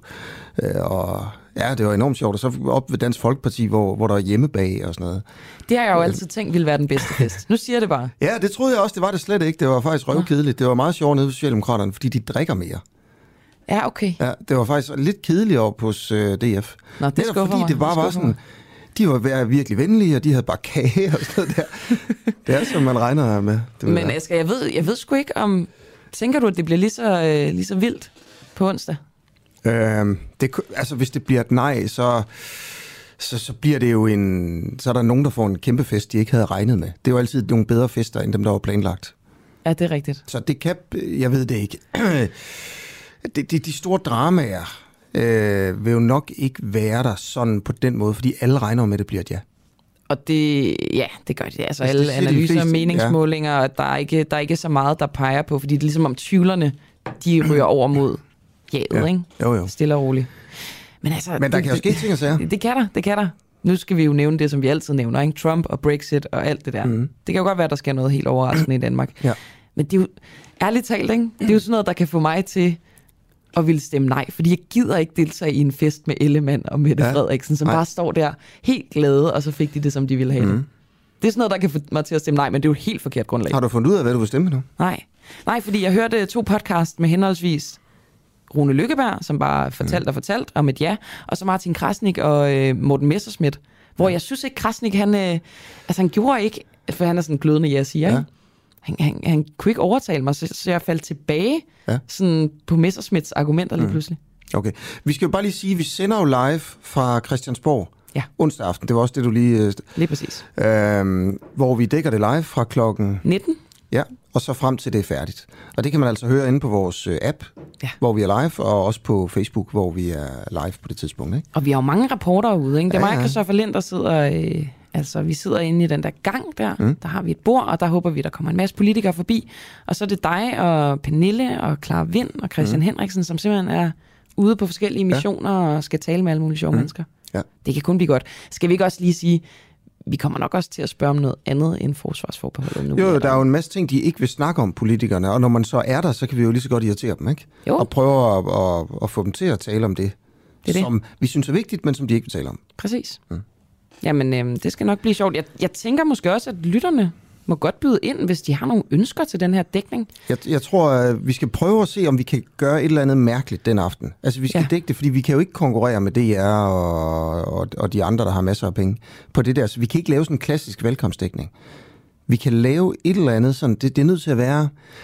det er nødt til at være sjovt, og det er nødt til at være sådan, for eksempel med lyttere, der ringer ind. Eller, Ja, præcis, præcis. Og, og anderledes, altså. Og en lytter, der taler med en politiker, kunne også være meget sjovt. Ja. Vi taler jo også om at lokke politikerne. Det, ved, det ja. kan jeg simpelthen ikke finde ud af, om det bliver for fjollet, men du ved, sådan konservative, de elsker blandt selv slik, og mm. der er sikkert også nogen, der elsker fadøl, og sådan mm. have noget målrettet lokkemad til Ja. politikerne. Mm. Det, synes du, det er fjollet? Nej, altså for fjollet? det, er, sy- det er jo fint nok, hvis det ligesom bliver suppleret med noget, der er vigtigt. Det er det. Så kunne man Det må- lige lokke Mette Appelgaard over med en stor pose blandt selv slik, Ja. ja. og så bang. Det der med, at de konservative er vilde med blandt selv slik, hvad er det? Det, det, jeg tror, det er hende, der har startet det, og så deler hun det ud, og jamen, jeg ved det ikke, ja. det er bare ud over deres sociale medier, det der blandt selv slik. Nå, okay. Det er sådan meget politikeragtigt, de har sådan noget hygge-hygge ja. ofte, ikke? Okay. Ja, ja. Nå. Så jo. Jamen, øh, det kan kun blive, øh, blive godt, Ja. tror jeg. Jeg glæder mig i hvert fald rigtig meget. Ja. Og jeg ved stadig ikke, hvad jeg skal stemme. Du stemmer nej, ikke? Jeg kommer til at stemme nej. Det er ligesom, øh, jeg er ikke så meget i tvivl. Må jeg ikke prøve at overtale dig senere til at stemme ja? Mm. Fordi altså, jeg tror ikke, dine argumenter holder vand. Altså, det er egentlig ikke, fordi jeg vil have, at du skal stemme ja, men jeg tror, Nej. de argumenter, du har for at stemme nej, de er helt forkerte. Nå, okay, hvad er det for nogle argumenter der? Jamen, at det er en glidebane, for eksempel. Ja. Det, det er simpelthen ikke rigtigt. Det tror du ikke? Nej, sådan rent øh, juridisk, så kan det ikke være en glidebane. Nej, men det er rigtigt. Altså rent juridisk, så, så er det jo som, øh, som det er. Ja, som det står i traktaten, ja. og som blokerer. Det bliver blokeret af grundloven ja. og selve traktaten osv. Mm. Ja, ja. Men lige så stille, så kommer der bare... Hvis du ser på det, hvis du, hvis du ligger sådan det juridiske væk, og det juridiske ændrer sig jo, fordi det er jo også en flydende proces, hvad der ligesom er lovligt og ikke ulovligt, så kommer der en ny traktat og en, måske en ny afstemning, en afgørelse i efteromstolen. Det er jo klart, at juraen er også flydende. Hvis Men du bare ikke- ser på EU som sådan et koncept, så bevæger det sig bare i en retning. Mere magt, mere centralisering. Øh, Men der er ikke noget eksempel i forsvarssamarbejdet på, at det er en glidebane. Nej, det kan godt være. Nå, okay Asger, jeg har ikke overtalt ja. dig endnu, men jeg Nej. prøver videre. Jamen, det kan da godt være, Jeg synes, det er sjovt at udfordre Ja. ja. dine argumenter. Nu, øh, nu skal jeg til at runde af. Tak fordi du kom Ja. ja. ind og fortalte om øh, på onsdag, hvor Jamen. vi altså sender fra Christiansborg. Selv tak. Og øh, så kan jeg sige tak herfra. Jeg kommer igen i morgen tidlig, hvor jeg skal sende. Det var Clara Vind, der var i regien sammen med Barry Vessel. Programmet var øh, sat sammen af Pauline Nystad og dig, Asger Juhl, også. Ja, mest øh, Pauline. Godt så. God dag.